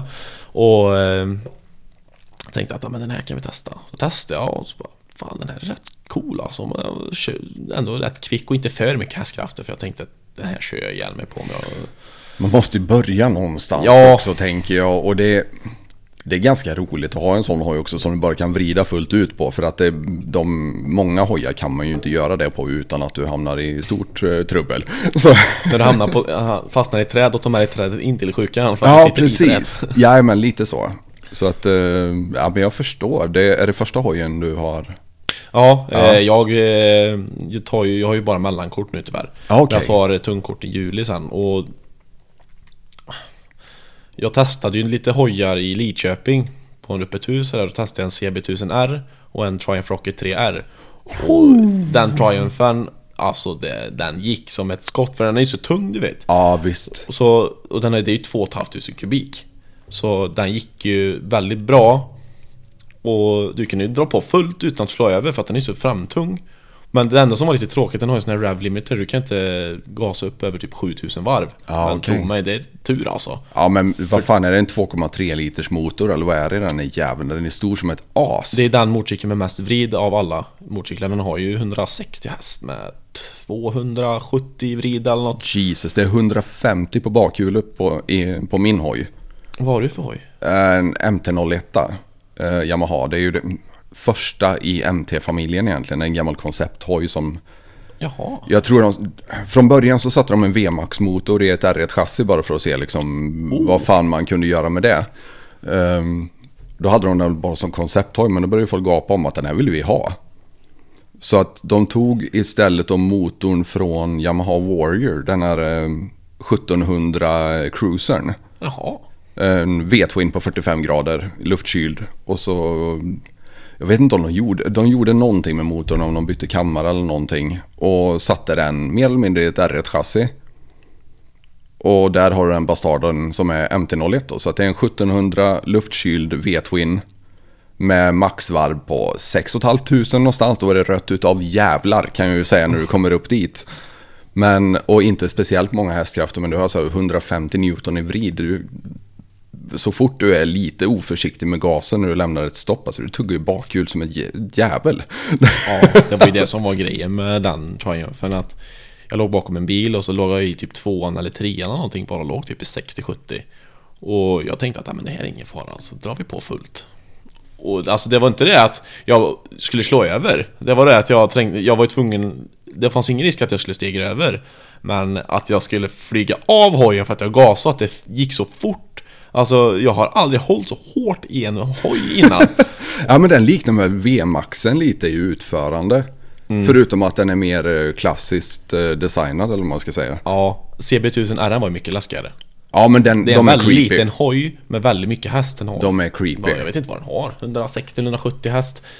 Alltså det var ju gasres hela tiden. Ja ja Det ja. var sjukt läskigt. Ja jo men det är Den var det. äcklig att köra. Man får ju rulla in i kraften på något konstigt sätt där med gaskontrollen liksom. Du kan inte bara vrida på för Nej. då dör du. Det är, Det var gasres typ på varenda växel. det är helt sjukt. Alltså moderna den är ju hojar. inte så stor alltså. Den, vad kan den vara?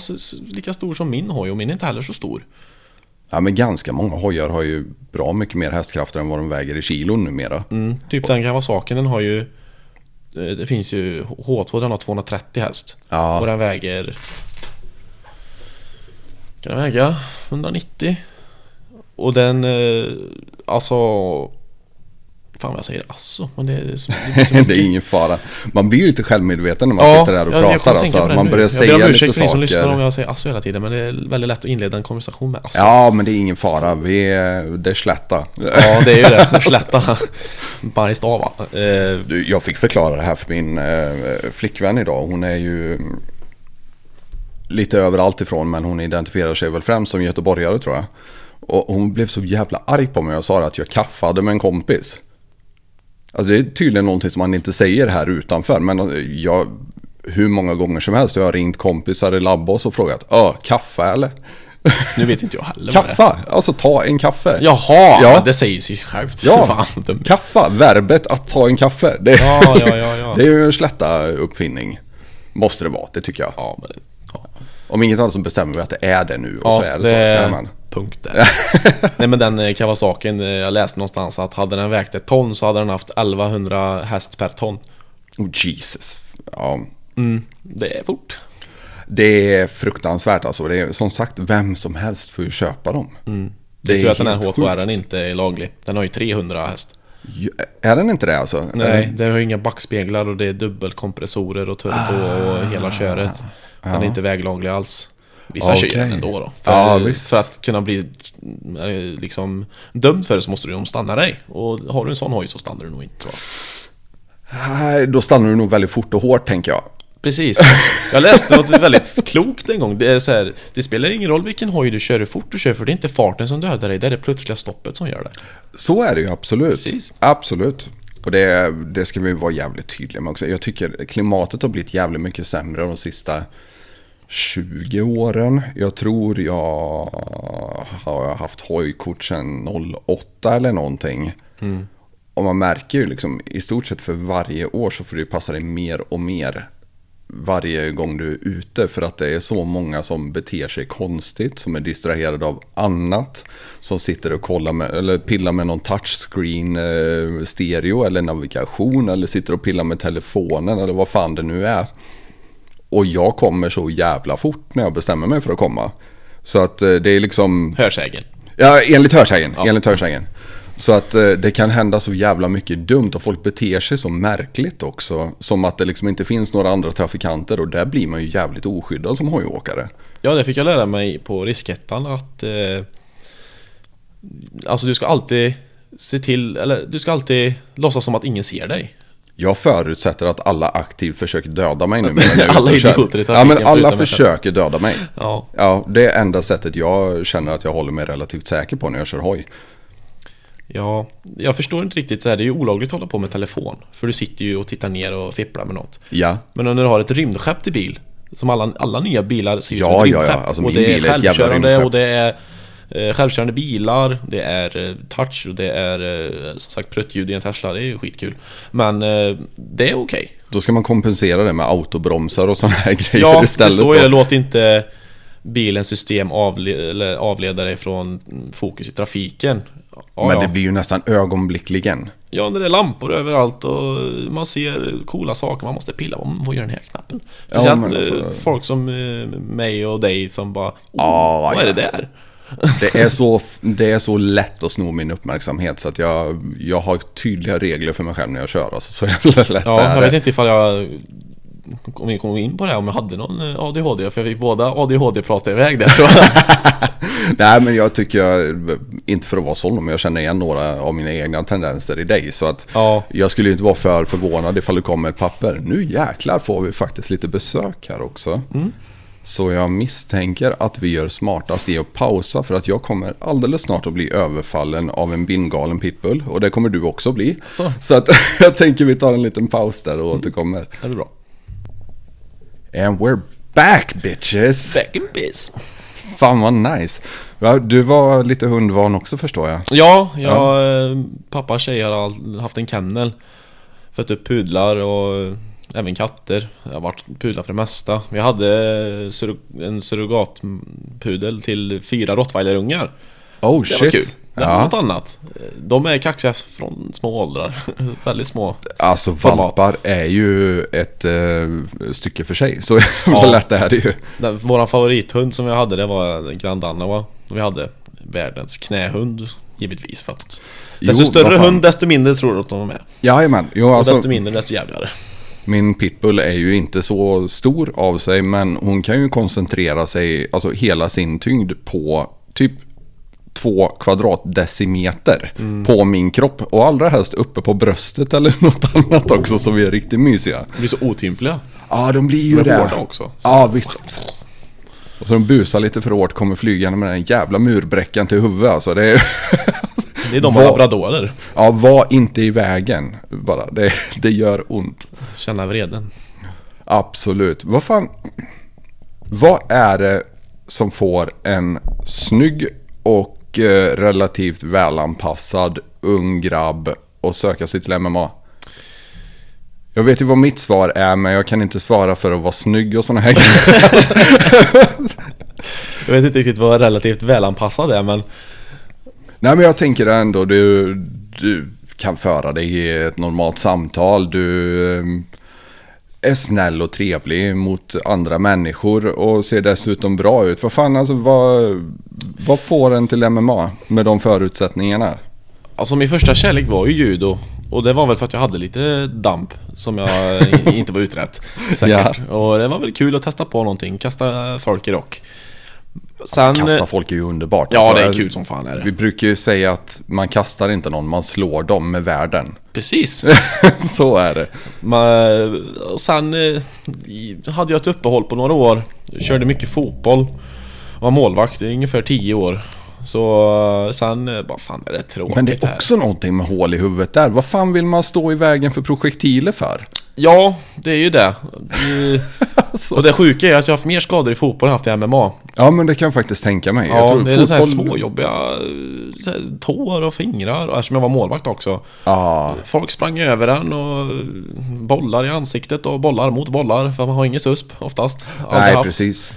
Eh, Den är Ja. svår att springa i också ska vi säga. Men eh, hemligheten är ju så här va att eh, jag var ju målvakt för att slippa springa som alla andra va För Jag hatar att springa och hade inte lika bra kondition som alla andra så tänkte jag att jag tar en genväg fy. Men jag var inte den längsta målvakten heller så jag fick ju testa, jag fick öva på mycket kondition, nej inte kondition nu kommer vi tillbaka dit Ja, eh. Mycket eh, spänst och sånt istället och reflexer och det har väl ändå återspeglat sig lite i MMA där för sen när jag var typ 15-16 så Jag började faktiskt samtidigt som Kevin eh, Törre då, som jag pratade om förut Men han fastnade lite mer för det just då och jag var, jag var inte säker på om jag riktigt var klar med fotbollskarriären då Vart började ni då? eh, Gentlemannafabriken i Mariestad Hallå? Vilket jävla underbart ställe. Ja, ja det, Eller, ja, underbara människor. Jag ska Precis. inte säga underbart ställe för jag har inte varit där. Nej, det, de är jättebra alltså. Man, det, är- det är jättetrevlig klubb. Vi har ju samtränat en del med dem innan och Ja, de har varit hos oss. Och precis. jag tror eh, några av oss har varit där också. Så att det är... Ja, jag var där på någon sån Varma känslor. sommarträning och då hade jag ändå kört judo. Och då kom jag in i den avancerade gruppen ganska fort för att jag hade ändå lite bakgrund och då var jag ju 16. Så slutade jag sen och fort, fortsatte med fotboll. Men Kevin fortsatte så han har ju kört ett år längre än mig. Han har kört i typ åtta år nu eller något och jag har kört i sju. Något sånt. Sen kom jag tillbaka och så fastnade jag för det. Jag vet inte riktigt vart ifrån jag började bli duktig. Jag fastnade väl lite i utvecklingen, hade väl inga ambitioner i det heller Men jag tyckte det var jävligt kul att brottas Jag är väl lite mer byggd som en brottare kanske än en striker Men sen hade jag ändå sparkarna med mig från fotbollen Och eh, efter några år så eh, började både jag och Kevin på Colosseum då, där vi är nu. Och det blev ju raketfart i, eh, alltså i utveckling. Vi, eh, jag vet Kevin kom dit, det här kommer han säkert berätta själv när han kommer till podden och gästar men Första träningen så körde han med Gustav Sandelin, våran Oh, store pjäs till eh, middleweight Soon to be champ någon gång hoppas jag det, det finns ju, Han har ju alla förutsättningar i När han får ihop sitt game så... Ja. Det, det, Jag har ju blivit slagen av honom alltså Körda. Och det är Ja. inte skönt Nej men alla är körda när han får Ja. ihop sin skit alltså, så är det. Ja, och Kevin han sparrades ju med honom och det var en krok så hade han öppnat hela kinden på Kevin typ, eller hela under ögat där. Oh. Och det, en annan gång så fick Kevin en uppercut och spräckte näsan och det var ju det han berättade för igår när jag hade tränat. Det. Här, jag, jag har sparrat med Gurra typ två gånger och han har spräckt mig två gånger. Ja just Och jag vet första jävlar. gången jag kom till Colosseum då vägde jag 90 kilo. Var relativt spritfet för jag hade tappat hoppet om allt typ. Det, så jag sket lite i vilket. Körde med Gurra också. Blev sparkad i magen, vek mig som ett jävla vykort och bara Fuck me, det här var ingen kul. Men kom tillbaka och så kom eh, Henke då, våran tränare. Och bara du 77, tävla där och då. Jag bara okej. Och så på något sätt, jag har aldrig varit speciellt disciplinerad alltså. Men där och då bara nej nu ska jag fan eh, ta, ta det här seriöst och köra liksom. Man har ett mål också Ja. och det, det är ett visst allvar i det målet också. Ja, det är ju min hälsa som står på spel. Ja, ja, absolut. Så att det är en väldigt bra motivator, måste Mm. jag säga. Och så då gick det, jag gick ner 15 kilo på tre månader eh, Blev rippad totalt, hade inget kroppsfett eh, Skaffade mig blomkålsöron och allt möjligt så Där hör ni, ta med er huvudet och kom ner till Colosseum Fight Center. Ni tappar all vikt ni vill. Ja. Och sen hade jag ju världens bästa träningspartners också vi, alltså, Det finns så duktiga fighters där nere som Kevin Vi har Gustav Sandelin, vi har Jimmy Nilsson Vi har eh, massa mer, vi har jätteduktiga thaiboxare Vi har jätteduktiga brottare Ja. Det är där jag har lärt mig mycket från Linus Nyman Alltså det finns inte en vän Alltså jag har aldrig sett någon som ens försökt ta ner honom alltså, My motherfucker alltså. Nej, jag, jag har tränat med honom eh, sen han började. Mm. Och eh, han var bra redan då. Han har ju en, nu ska vi inte sitta här och snacka om honom eh, specifikt. Men Nej. det finns några i världen som har en sån fysisk IQ. Alltså som bara kan kasta iväg sin kropp i något fullständigt galet med en annan kropp inblandad och ändå veta exakt vart och hur de kommer att landa. Jag vet en som har plockat ner han en gång och det var Bengtsson Och han var ju helt galen också på att brottas Ja, ja. Och det, jag skulle inte vara förvånad ifall han faktiskt lät honom för att han hade ett lås på gång. alltså, Det är det som är så jobbigt när han lär ut någonting på äh, så här, grapplingen så här, bara, Nu ska jag göra det här och så har han ju något helt annat bara Haha, får inte ja, nej men alltså han har alltid varit superatletisk och eh, jättesnabb på att lära sig.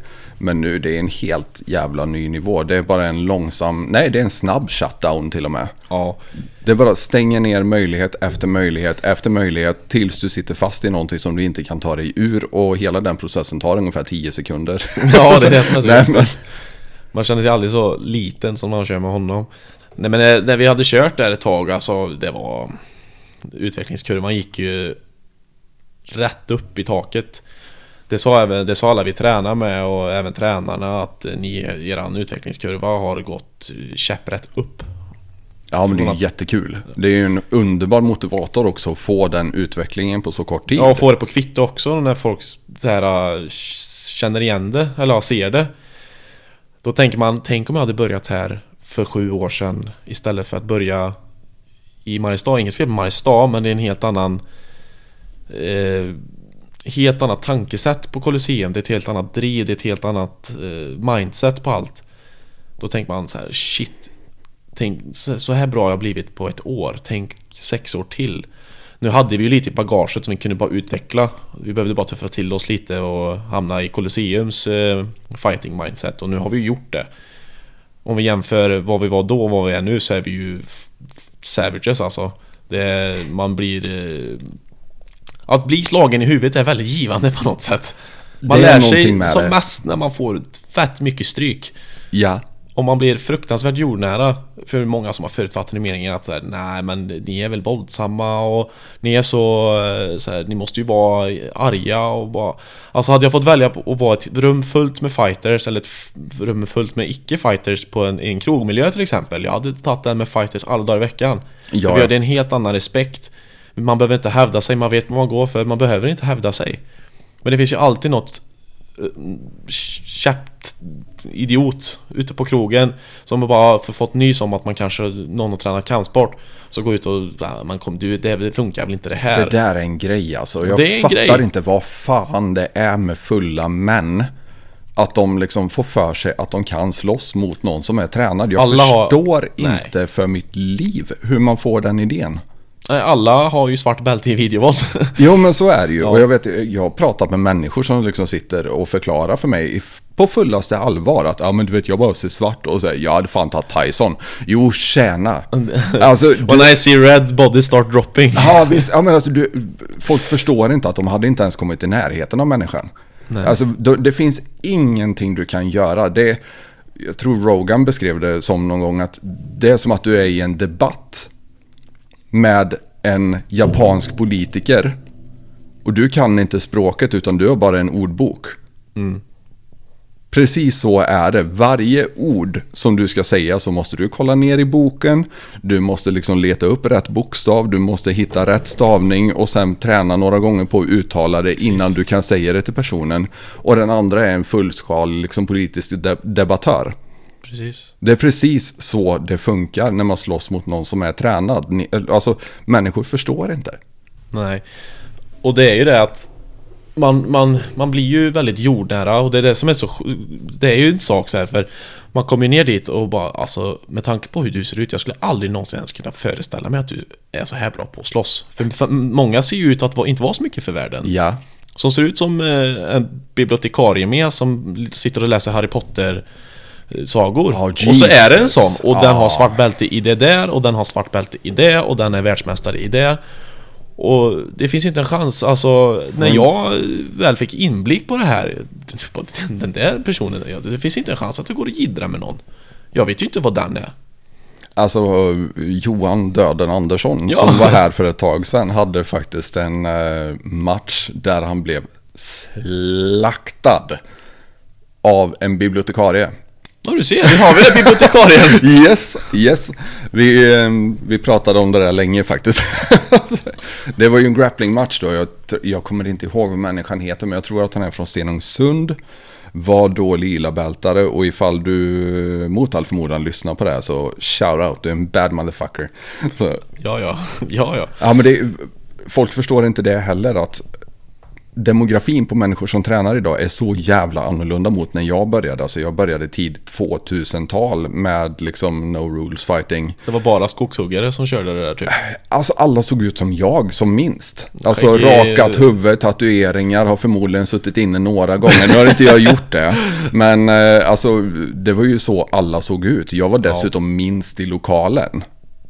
Alltså, Och du är ju ändå inte liten Inte längre, jag var väl inte liten då heller. Jag låg väl på 70-75 kilo någonstans. Jag var, jag absolut döminst i lokalen. Resten låg ju på 90-95 någonstans. Och Ja det, det var ett annat klientel då. Alla var ju gamla fighters och hade de inte varit fighters organiserat så hade de varit det oorganiserat. Ja, det Men- var bara street fights Ja, men nu när man går ner på en kampsportsklubb, framförallt MMA och BJJ-klubbar, alltså vi har allting från spelutvecklare som aldrig har gjort något fysiskt i hela sitt liv innan de börjar med MMA till, alltså you name it, golfspelare. Fatta vilken jävla höger golfspelare får in när man får dem att förstå hur de ska använda Jag höften tänkte också. på det, du vet Ferry Svan God damn! Ja, ja, ja. Ja så här, skogshuggare, återigen, de, Dude. de som tävlar i Stå inte i vägen för honom alltså, jag säger det direkt. Gör inte det. Tänk den höften och den svinget den killen får in med en yxa Tänk dig att lära han att svinga en höger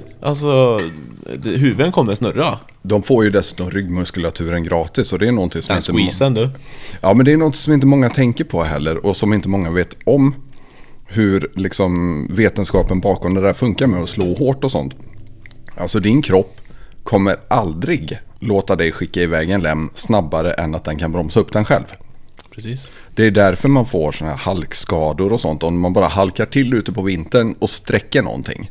Det är för att din kropp har reagerat på att du halkar. Ditt ben är på väg att flyga iväg i en snabbare takt än vad det Fan, klarar är av. också.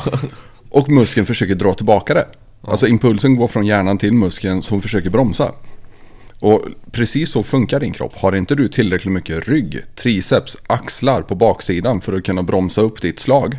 Då kommer du också automatiskt få din slaghastighet begränsad. Så de här gamla skogshuggarna och sånt som kommer eh, in och har vevat yxa i hela sina jävla liv. De har ju ryggar som ser ut som Grand Canyon. Precis. Alltså, och de slår hårt utav bara helvete. Det är samma med handbollsspelare. De, deras overhand kan ju... De vara kan nådig, eller? kasta armar så det skriker om det. Ja. Och det är ju ändå det det handlar om. Det handlar om att kasta ben in i kroppen på din motståndare. Det är det som jag fick lite från målvaktsgrejen där. Att utsparkar och det är ju mycket sving en sån. Och det kommer ju med med mina sparkar. Jag har aldrig stretchat en dag hela mitt liv typ. Men jag sparkar fruktansvärt högt och Ja, hårt hur ändå. fan har det gått till? Jag tänkte tatt det. Alltså du som gammal fotbollsspelare, du är fruktansvärt flexibel. Jag har ingen aning. Jag sparkar bara väldigt hårt och väldigt högt. Och jag har aldrig stretchat. Jag anser mig själv mer som en brottare. Du sa ju det igår att jag hade överjävlig brygga. Nu menar jag inte bajsbrygga alltså. För den som inte fattar så att de inte... Så, och den som inte vet vad en brygga är, man går upp och slänger runt folk. Det är svårt att förklara för den som inte vet men... Man ligger på rygg och lyfter höften från golvet mer eller mindre. Ja, typ som gymnasterna gör när de står jättekonstigt sådär som en brygga. Fast Ja, fast vi gör det utan nacken, armar. Typ. Ja, utan armar. Ja. Och så är någon över det också. ja, exakt. Du lyfter av någon med den. Och det spelar ingen roll hur tung den andra är, för gör du rätt så går det rätt smärtfritt alltså. Jo men det gör det om du får dem att accelerera innan du är uppe på huvud och axel. För att får du inte tillräckligt mycket fart i det via höften från början. Då kommer du att belasta din nacke på ett jävligt jobbigt sätt när du får bära era, båda eras vikt på nacken liksom. Det är ju mycket hävkraft och timing och alltså ren rånstyrka, råstyrka. Det, det var som jag sa till dig igår efter träningen.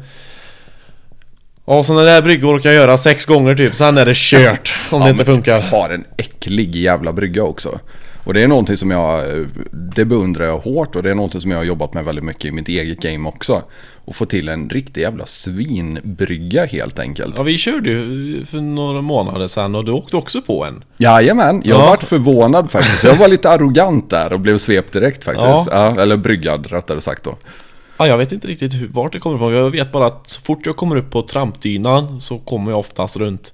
Ja men då kommer För jag någon... klättrar på ett konstigt sätt också. För jag bryter i en viss vinkel.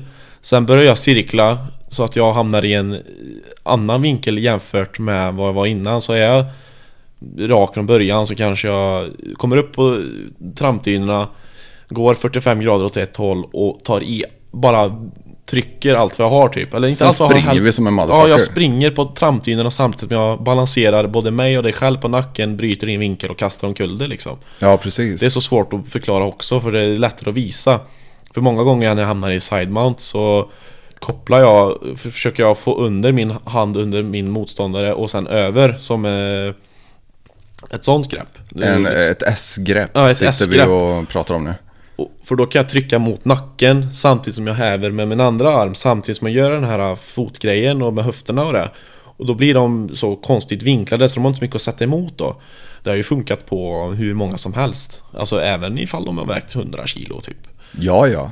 Alltså Det det är det med timing och vinkel och det är så mycket vinklar i den här sporten Ja men Mycket verkligen. geometri Jo men det är det alltså. Det är, det är ju en matematikers eh, våta dröm egentligen Mhm. att sitta och kolla på all ge- geometri där. Och jag tror till och med eh, för att ge en Mariestadskille lite shoutout, Robert Trebor. Ja, han Ja. ja. Eh, vi kollade på någon, eller jag la ut en bild någon gång när Ilir hade gått match. Och jag tror han sa det till och med att matematikern i honom vaknade alla underbara geometriska vinklar.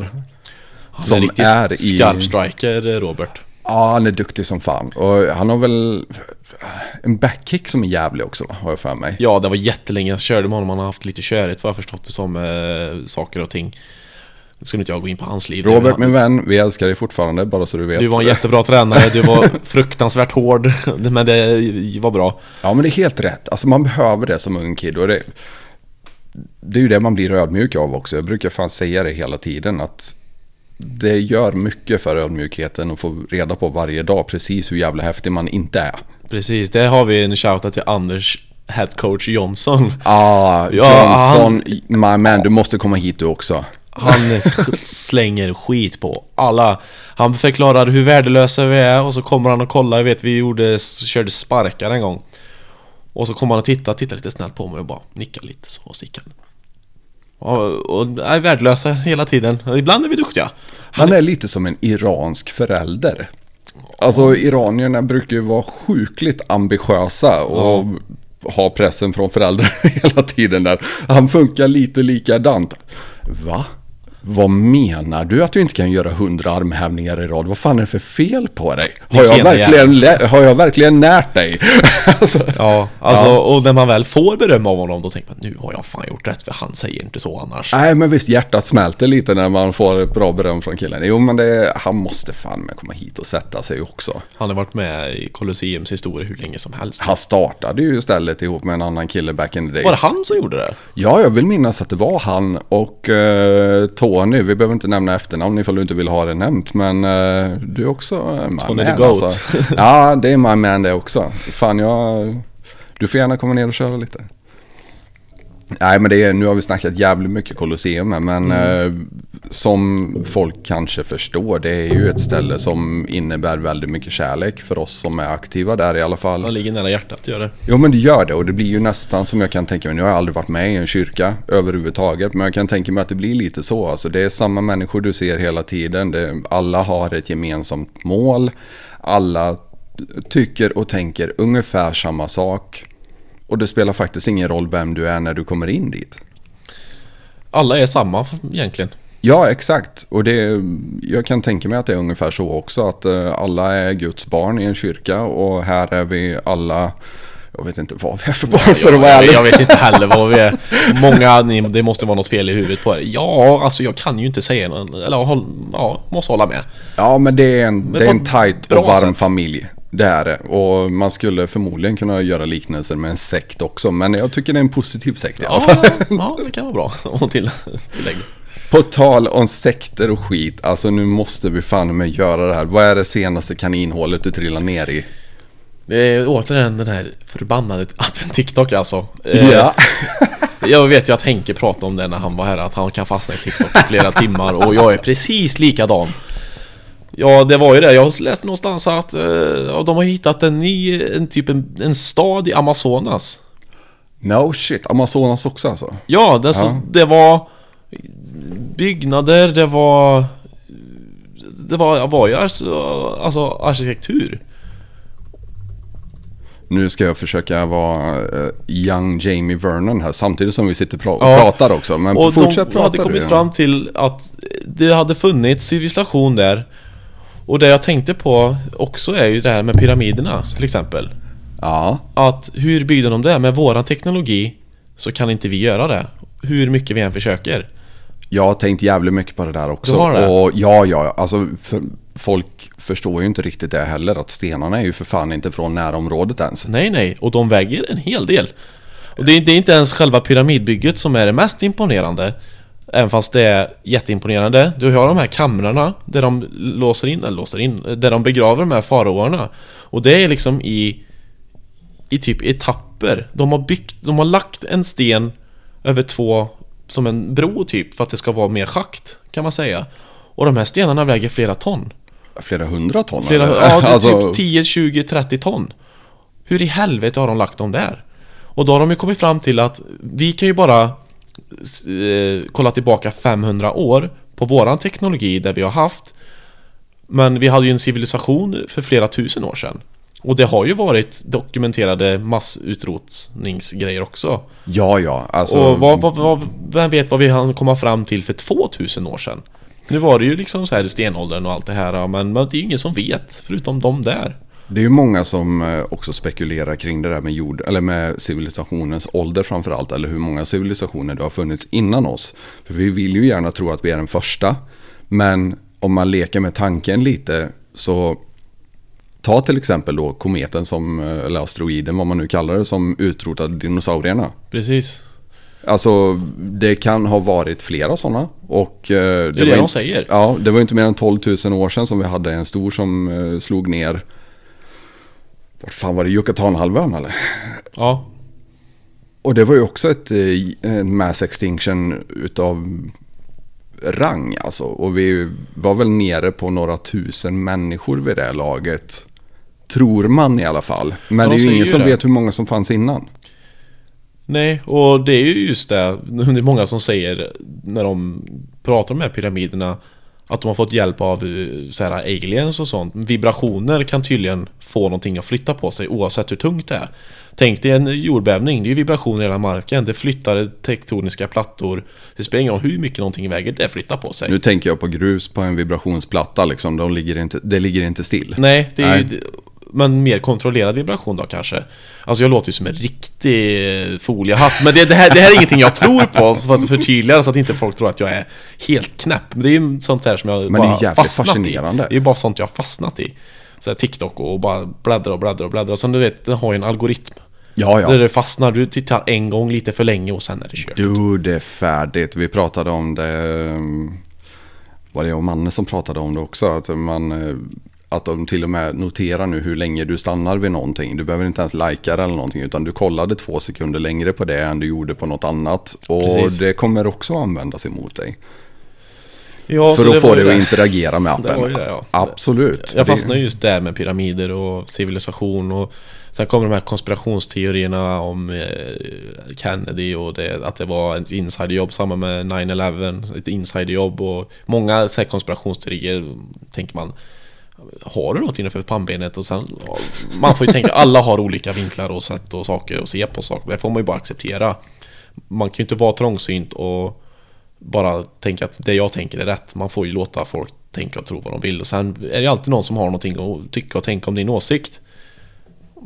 Och det kommer man väl aldrig undan heller. fruktansvärt många av de här konspirationsteorierna visar sig också vara sanna en 50 år senare. Så att problemet med konspirationsteorier och avfärdandet av dem är ju att det finns riktiga konspirationer som har genomförts många gånger. Och jag vet inte om du är medveten om Operation Northwoods till exempel. Nej, jag kommer säkert känna igen det om du berättar lite om det. Nej men det är alltså en, eh, en plan då som var signerad av alla eh, the Joint Chiefs of Staff. Där de skulle spränga ett flygplan med skolungdomar på väg på spring break helt enkelt.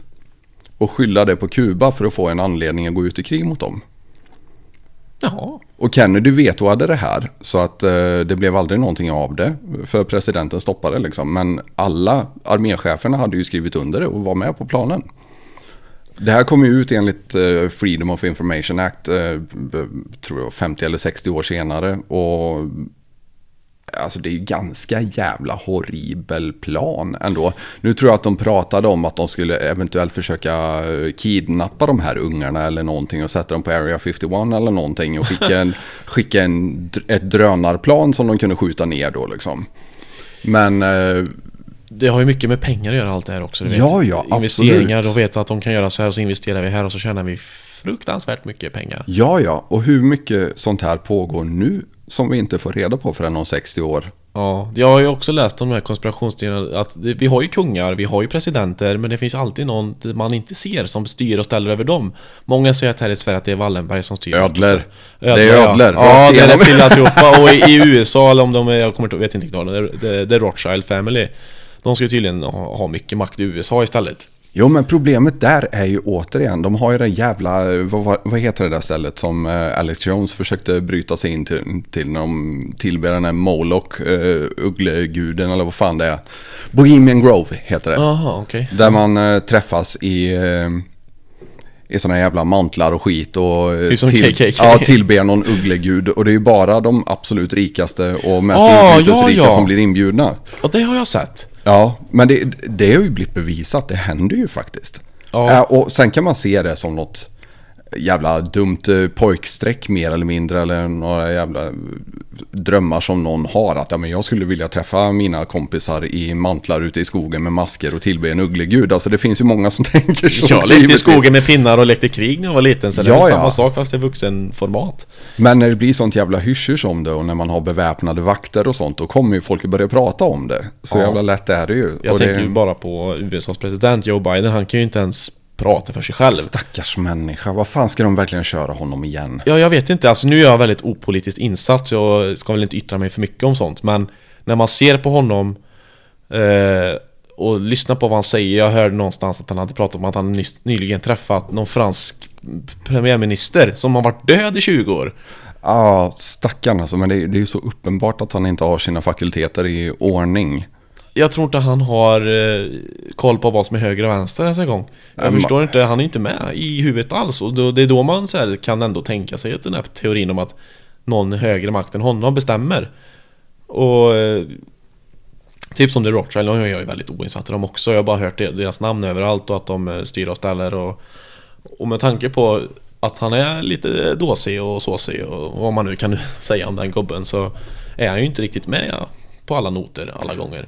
Jag tror inte det heller. Det verkar inte som Han att ju han inte alla chips i påsen som man brukar säga. Nej, lite så. Och jag tycker fan ärligt talat, jag, jag lägger ingen värdering i det. Annat än att jag faktiskt tycker synd om honom. Jag menar, sitta på den posten och bli runtskickad överallt. Vad fan skjuter de upp honom med testo och ger honom amfetamin hela tiden för att han ska orka med eller någonting. Jag vet inte vad de gör. Men alltså, eh, kuska runt farfar överallt och så får han stå och göra bort sig och vända sig om och skaka hand med luften och gå därifrån liksom. Det. Jag, Usch, jag tycker det känns eh, Och Jag läste någonstans om att folk obehagligt. trodde att han var död och att de hade någon annan, att han har gått och dött. Du vet, det är sådana här sjuka saker. Men då måste jag fråga om du har hört den här Avril Lavigne eh, konspirationsteorin. Jag vet inte. Dude, vi måste nästan googla det här lite för att hon var ju eh, skitstor. eh, Det är den art- artisten eller? Ja, precis. Hon var ju skitstor eh, när jag var lite yngre. Eh, Hon är född 84. Lite rocktjej va? Ja, precis. Uh, Avril Lavigne, uh, Conspiracy, jajamän, andra. Ja, enligt konspirationsteorin så dog hon 2003. Ja, men du, Ja. den har jag fan hört. Det är massa, det är massa sådana eh, teorier om att folk går och dör. Det var ju som eh, Michael Jackson också. Ja, men de har till och med alltså, gått så långt så att de har nämnt namnet på den personen som har ersatt henne. Hon heter tydligen Melissa Vandella. Och ersatte då henne 2003 där de menar på att hennes eh, ansiktsdrag förändrades från ett år till ett annat och så, här, och så vidare. Det är jävligt... Eh, Det finns en Ja. exakt likadan om Eminem. är det så? Ja. No shit. Det finns två jämförelsebilder. Från ansiktsdrag och konturer i ansiktet. För det fanns någon konspiration om att Han dog av en överdos en visst år. Och att han byttes ut mot någon annan. Som var väldigt, väldigt lik honom. Men det stämde inte riktigt överens med konturerna i ansiktet. Sen blir man ju äldre, man, man ändras.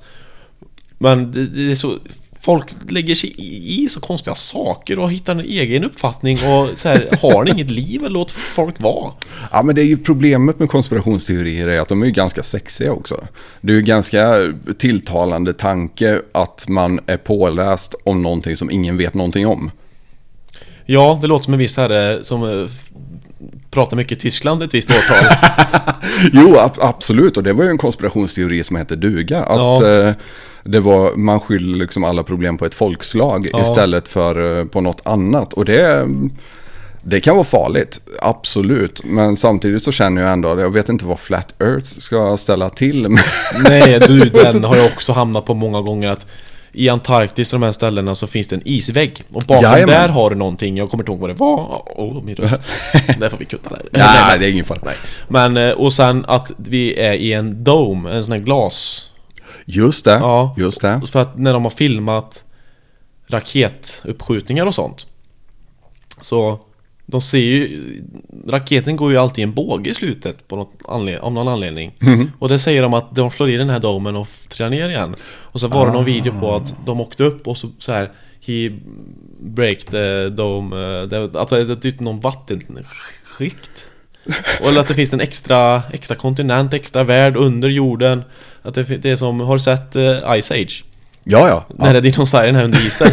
att de, folk tror sånt så här. Du, jag kan eh, nämna en bättre till och med. Alltså? King Kong mot Godzilla. Ja, det också! God damn vilken rulle för övrigt. Alltså min inre tolvåring dör ju i extas när jag kollar på sådana här filmer. Ja, men det, det är väl att de hittar någon undervattensgrotta eller? Ja men det är ju en undre värld till och med. Alltså innanför jordskorpan så har de någon sorts upp och ner-värld. Ja, just Alltså det är inte magma och sådana grejer utan det är en separat värld där inne precis där gravitationen byter håll då. Ja, just det ja. Så det är väl jordens centrum har jag för mig för att jag... Det är väl lite som Jurassic World när de hamnar på... jag vet inte om det var naturligt att de bara fanns där, att ingen hade upptäckt eller att de återskapade i labb. Jag kommer inte ihåg hur det var riktigt. Nej jag kommer inte ihåg heller men alltså episk jävla film Ja, ifall man Ja, är 12 år som jag. Då ska man absolut se den. Jo. Och en annan som man ska se är ju Pacific Rim alltså. Ja, jag tänkte vad det den hette! Dude! Jag kommer inte, kommer inte ihåg vad den hette, men det är de här äh, stora jävla monstren som kommer upp och så är det robotar. Det är typ Yes. Transformers mot äh, alla andra. Transformers mot Godzilla Ja. ungefär. Ja. Alltså, vad fan de använder ett jävla skepp som baseballträ liksom. Jag är såld bara. Jag är bara såld.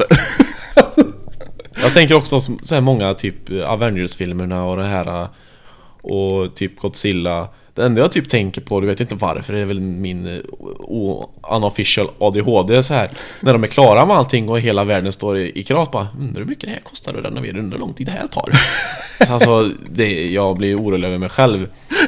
Både jag och Kevin har ju säkert ADHD. Han har det på papper, det har inte jag. Ja, ja, Men ja. Henke, våran kära tränare, han Jajamän. tittade på mig en gång och bara Alltså jag tror helt ärligt du har mer ADHD än Kevin Kliar mig i huvudet och bara, bara Varför då?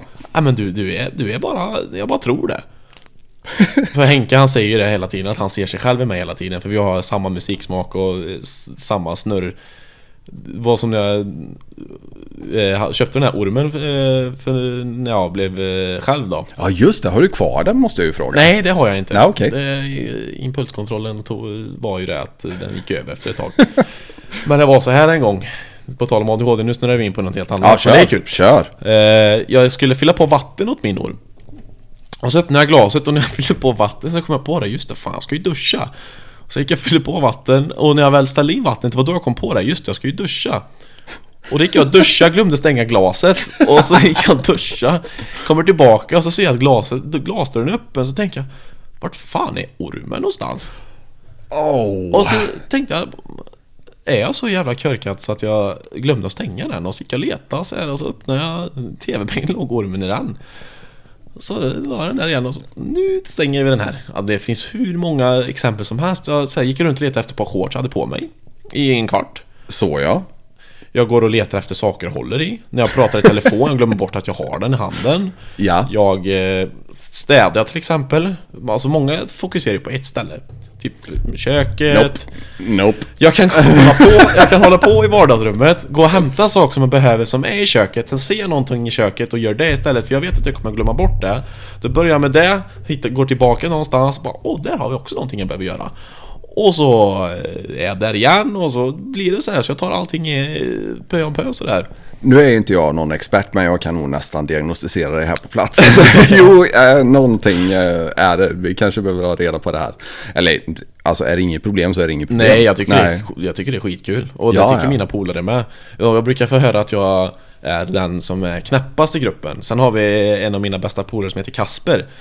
Eh, sen jag, jag introducerade honom för min eh, kompisgrupp och de eh, klargjorde, ganska fort att han var värst. för han har inga hämningar alls, han är så jävla rolig. Jättebra vän, vi träffades i en kö till krogen, jag och han.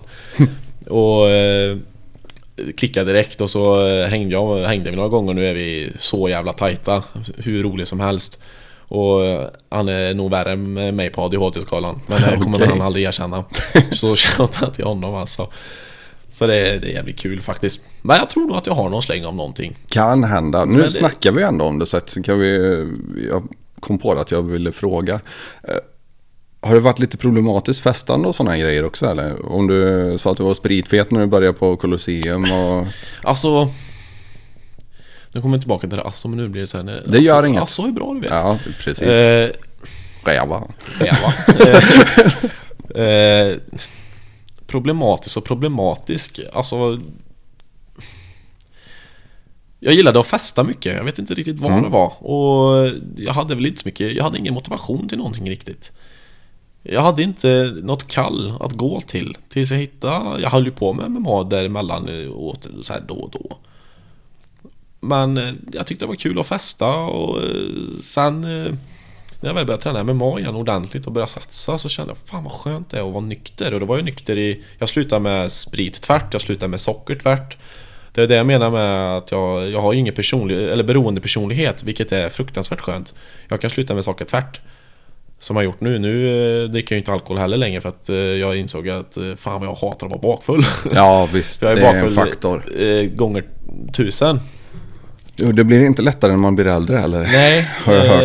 det räcker med att vara 22 och ett halvt och man eh, vill inte dricka mer. Och jag, jag såg det väl inte som en problematik, det blev väl ett sätt att vara social på och ha kul på. Någonting som man gjorde i brist på annat kanske? Ja, eh, jag har väl insett att man inte behöver ha alkohol för att ha kul heller.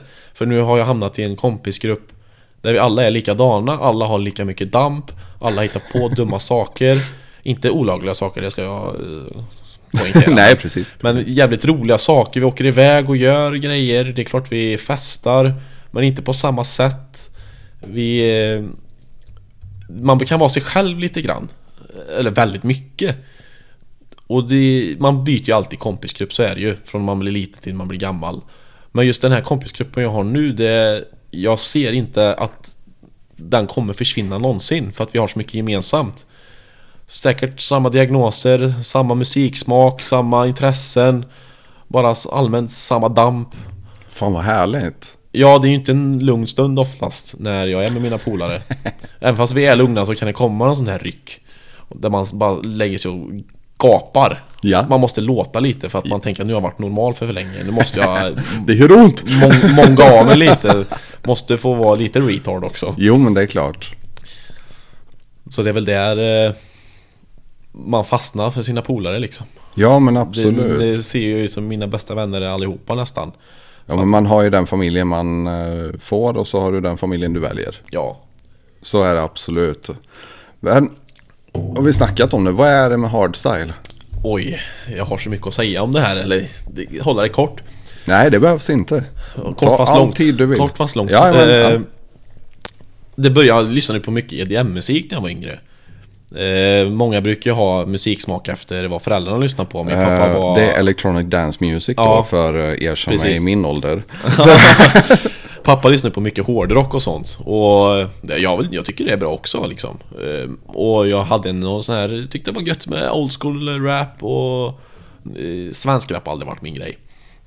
Jag tyckte old school rap var bra Tupac och Biggie och dem, de var bra Det finns ju några old school svenskar också som vi måste Ja nämna ja, här. Alltså, Labyrint orga- och Aki och de Ja. är skitbra Om vi går lite längre bak ändå och kollar o- organismen. Alltså, jag är ju ett, en sucker för Roffe också. Alltså. Det, Roffe, ja, ja. jajamän, och några till. Alltså. Så det, det finns eh, riktiga svenska OGs också som Ja. eh, är värda att nämna. Men annars håller jag med dig faktiskt.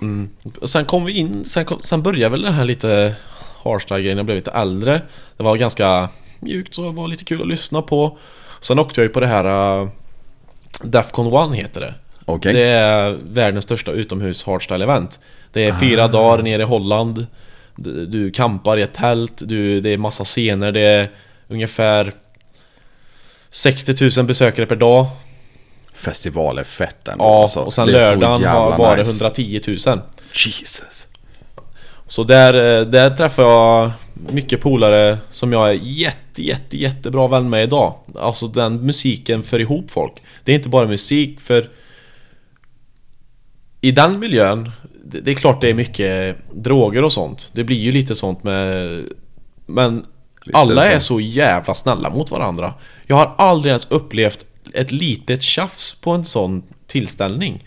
För att gå ut på krogen räcker med att du tittar lite snett på någon så kommer du förmodligen få en glasflaska i bakhuvudet. Eh, Troligtvis. För när vi var på Defcon, man går in på den, man, det, det är ju lite för, försvenskat det där också. Att man ska bete sig som en rövhatt på krogar, helst. Den som är Ja. hemskast vinner. Inte fattat den här grejen riktigt. Nej, och där kan man liksom gå in i någon och den ber om ursäkt. Det är nästan som att flytta till Kanada då. Ja, alla är så jävla snälla. Och man har så mycket att vända sig tillbaka till med sina kompisar också för att det är mer än musik också. Det blir lite som en sekt det med alltså. För det är ju lite tabu att lyssna på också. Men det, det är som det här med ADHD kanske. Att det, det går i samma beats per minute som mitt huvud gör. Ja men jag tänker det, man, det är ändå en fysisk aktivitet också att studsa runt där. Ja, liksom, ja, som ja, man gör gud, ihop. ja. Och det, fysiska aktiviteter binder ju ihop folk. Och det är enda festliga tillställningen jag kan gå till nykter och ha fett kul. För på krogen och lyssna på Fröken Snusk och eh, sån här jävla skit. Det, det, jag blir bara obekväm. Ja. Och eh, på, när vi åkte till Defcon så träffade jag en kille som heter Nils. Jag jag ska berätta en rolig historia om honom så jag tänker inte säga hans eh, efternamn för det här är kul som fan. Han har i lika mycket damm som mig. Eh, så vi blev sjukt, sjukt bra vänner efter det. Och vi ska ju åka dit år igen, vi polare som åkte dit förra året. Det är ganska dyrt att åka ner dit men det är en upplevelse också. Det är, helt sjukt, det är så mycket fyrverkerier, det är stora scener och det är lasrar och det, det är något utöver det vanliga. Det är det absolut bästa jag har gjort. Och resan ner dit och pila ju ner så det var ju kul. Vi var ju ett gäng på åtta pers. Har man en hög med fucktards att åka med också. Ja, så blir ja, jag tror det är resan ett samma. event i sig. Jag tror, jag tror den samlade IQ-nivån på den, i, de, i det partytältet vi hade var nog två. Så, och a- ingen var ju smartare än andra, alla hade lika mycket damp, alla kunde härja lika mycket. Så det var ju riktigt kul. Eh, sen har jag varit på ett ställe som heter Climax, det var också i Holland. Det är, det är världens största inomhus-event. Har jag för mig att det är, har jag fått, fått till mig att det är i alla fall. Jag vet att det finns väldigt stora mer men det är inomhus istället, då är det 35 000 pers inomhus. Som, eh, Det är ordentligt. Ja, och det är många timmar oftast. Alltså det var ju fyra dagar eh, uppträdanden från 11 till eh, 11. Så det var ju 12 timmar eh, ständig helg. Så man var väl jävligt trött. Jag gick 154 000 steg på fyra dagar. Ja. Ja. Så, och det var varmt där nere också. Första dagen var det lite dåligt väder. Nu pratar jag om Defcon då. Det första utomhus. Då var det typ 19 grader och lite regn. Sen de andra dagarna var det så här 29-30 grader med 9 UV-strålning. Sista dagen var det så här Oh lord. 33 grader varmt. Och då står man ändå i gassande stol och står där och studsar och härjar. Och jag drack två öl och kände shit det här kommer att gå fort om jag dricker mer. Sen har vi min polare Arvid som eh, bajade i sig 9 liter öl den dagen. Oh lord. Mm, han repade sig där vid 16-året där. Han gjorde en strong comeback. Han är också från Slätta eller? Ja, han är från Falköping. Kunde ju ge mig fan på. Ja, de flesta är från Falköping jag åkte dit med. Och eh, Nils är från eh, Skövde. Ja. Eh, så ja, så eftersom han baljar i sig så mycket så kallar vi han Baljes hela tiden För att han baljar i sig så förbannat mycket bärs. Och eh, sen har vi Sixten. Han brukar vi kalla hästen För att han blir alltid så jävla bakfull så han ser ut som en häst alltså. Eller han, han, han, bara, han bara mår så dåligt och det är lika kul varje gång. Och nej, det, är så, det finns så mycket historia Jag älskar blir- jag blir också. Han är så bakfull så han ser ut som en häst. Ja, men det, jag, vet, jag vet inte riktigt vart vi har fått det där ifrån men vi kallar honom bara hästen Det är skitkul Det Och- kan hända att det makes sense så fort man ser honom. För jag hade en kompis som... Han beskrev en kille som ett cykelstyre.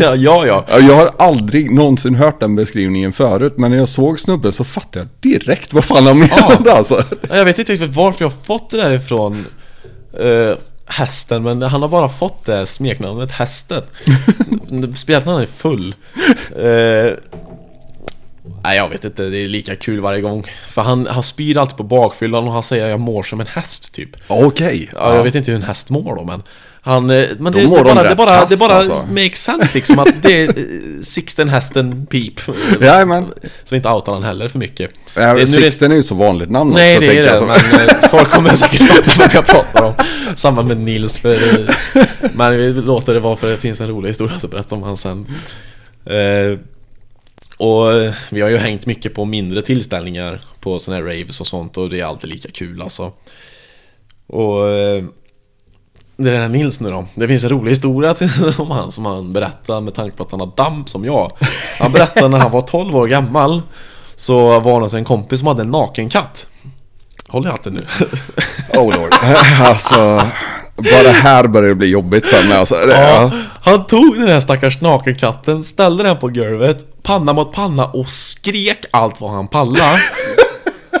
Så den här katten fick panik, la sig ner, sket ner sig och dog. No shit! Han gapade ihjäl en katt. Nej! Jo!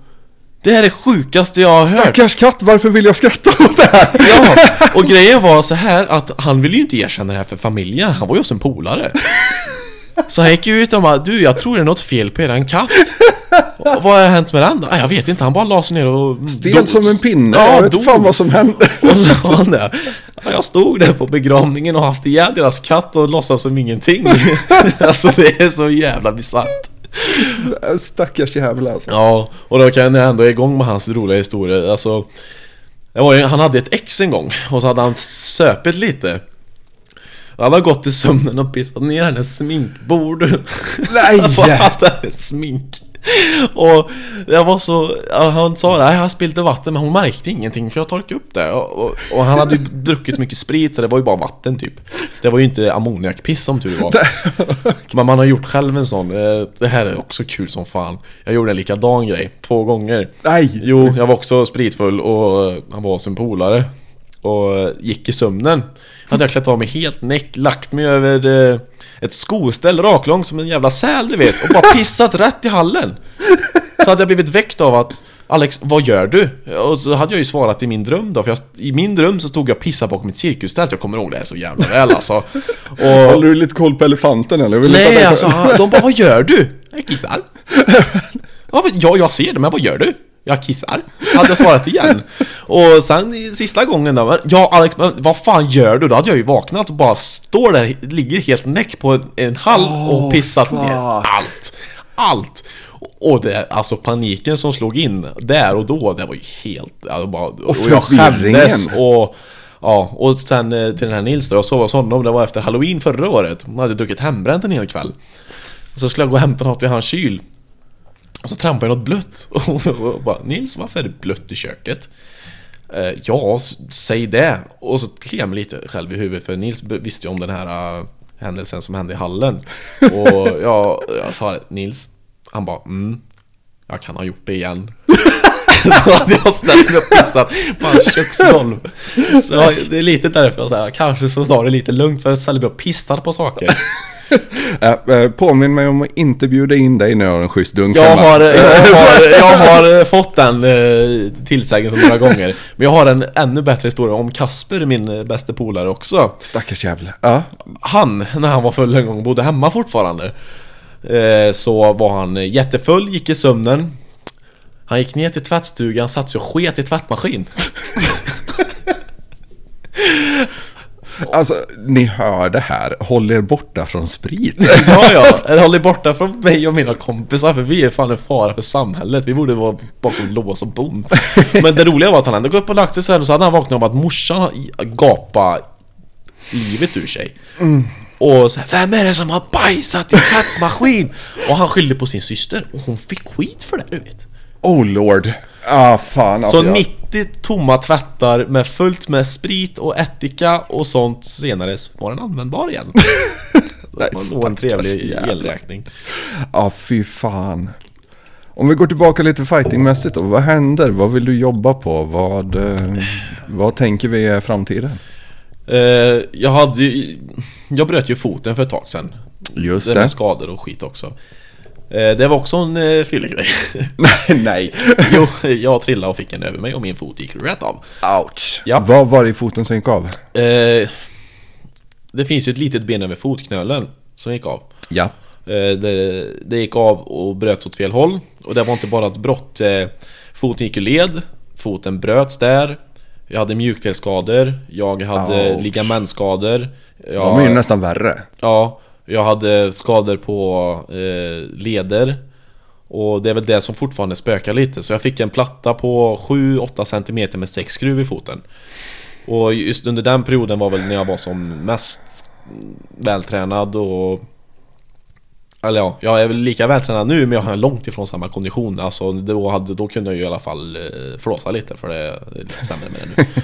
Eh, och då hade jag ju tänkt att satsa på SM. För jag hade mycket planer på att tävla mycket under vintern för att kunna kvala in till SM eh, nästa år, eller detta året då. Men så kom ju det då. Och rehaben gick förvånansvärt fort. Jag kanske skulle ha suttit still lite mer än vad jag har gjort. Träna ändå. Eh, är så fort jag blev av med gipset så hade jag ju en skruv i foten. Som jag helst inte skulle belasta så mycket på för att den kunde gå av och det försvårade operationen att ta ut den sen. Ja, Men vad fan är det där med kampsport? Du kan inte hålla folk Nej. därifrån. Nej, det går alltså, inte. När Man jag kan satt och inte- kollade ja. på det där, när jag kollade på träningarna, alltså den abstinens, abstinensen jag hade. Ja. Jag flyga i taket. ja, men jag vet ju själv, alltså de här eh, rätt allvarliga skador ändå som man bara har tejpat och kört nästa dag igen. För att det, ju är när så jävla roligt. Brottades, jag tror det var, jag hade, så hade precis blivit av med skruven eller om jag hade precis blivit av med gipset någon vecka innan. Då fick jag för mig att nej, nu ska jag brottas. Ja. Och det gjorde ju ont och min fot såg ut som en hästfotknöl efter varje gång. Ja, Jag började jobba Det igen var- och jag la all vikt på foten och tänkte att det här kommer aldrig läka. Det ser fortfarande lite, lite halvdant ut men Blir det fortfarande svullet och sånt också? Ja, lite grann, lite grann. Eh, Men nu är det ändå... Jag kör ändå. Nu spelar ju det ingen roll för man kommer ju att skicka den där jäveln om och om igen i vilket fall. Ja, men eh, det har ju varit lite snack om att jag ska tävla nu snarast. Säger Henke. Men eh, Henke har ju typ inte fattat att jag har brutit foten än. För han har väl snurrat bort i sin ADHD någonstans. Han eh, sa väl förmodligen sluta lipa. Ja, sluta, knip käft, sluta pip, slåss bara säger han. Ja. Men det är bra, man behöver en sån tränare. Jag älskar Henke. Och Man behöver det. Han är precis som jag, lika mycket damp och eh, jätterolig att hänga med. Han går mig på nerverna många gånger men ja, men han är underbar Henke. Ja, han är underbar. Absolut. Eh, men eh, vi har ju en gala i Skövde första juni. Det är ett datum satt på den nu alltså. Ja. Mm. Det är i ligan, det blir det då. Ah. Fast det är Skövde Fight Night tror jag det heter. Jag misstänker att jag kommer bli inhyrd för att gapa där igen. Då får du gapa lite extra när jag kör. För Jag då är tanken att alla vi tävlande i MMA ska köra. Det, det blir gap. Det blir gap. Det blir gap. Jag och jag har skaffat mig en ännu större vänskara som kan gapa lite också. Ja men bra det. Men du, du upplever alltså ingen press? Det var synd vi kom ifrån det. För jag tänkte på det. Du upplever inte någon extra press av att du har vänner och familj Jo, där? lite grann. Ja. Eh, Man vill ju såklart visa upp vad man kan och man vill ju vinna framför sina vänner och ju, man vill ju inte få stryk inför nära och kära. Man vill väl framförallt inte bli skadad, eller så känner jag i alla fall. Det är därför jag, jag har alltid sagt det. Inga som jag känner på mina matcher alltså. Det gör mig nog inte så mycket för jag vill ändå visa att det är, inte, det är ju inte uppstyrt det här att jag ska vinna. Den andra vill ju slå i huvudet av mig lika mycket som jag slår Ja, ja, men de kan kolla på film efteråt. Ja, Ja. eh, men det känns väl ändå lite skönt att ha något form av stöd också. Jag tänker ju, kompisar tycker det är skitkul att de kommer och kollar. Och även, jag tycker ju eftersom pappa inte varit med så mycket och familj och sånt varit med så mycket på just kampsporten eller fotbollen överlag. För mamma kommer jag aldrig förvänta mig att hon kommer att kolla för det har hon sagt tvärnej till. Men pappa han, eh, eftersom han inte har kunnat vara med så mycket på mina fotbollsmatcher och sånt. Så tycker jag att det är kul att han är med på mina MMA i alla fall.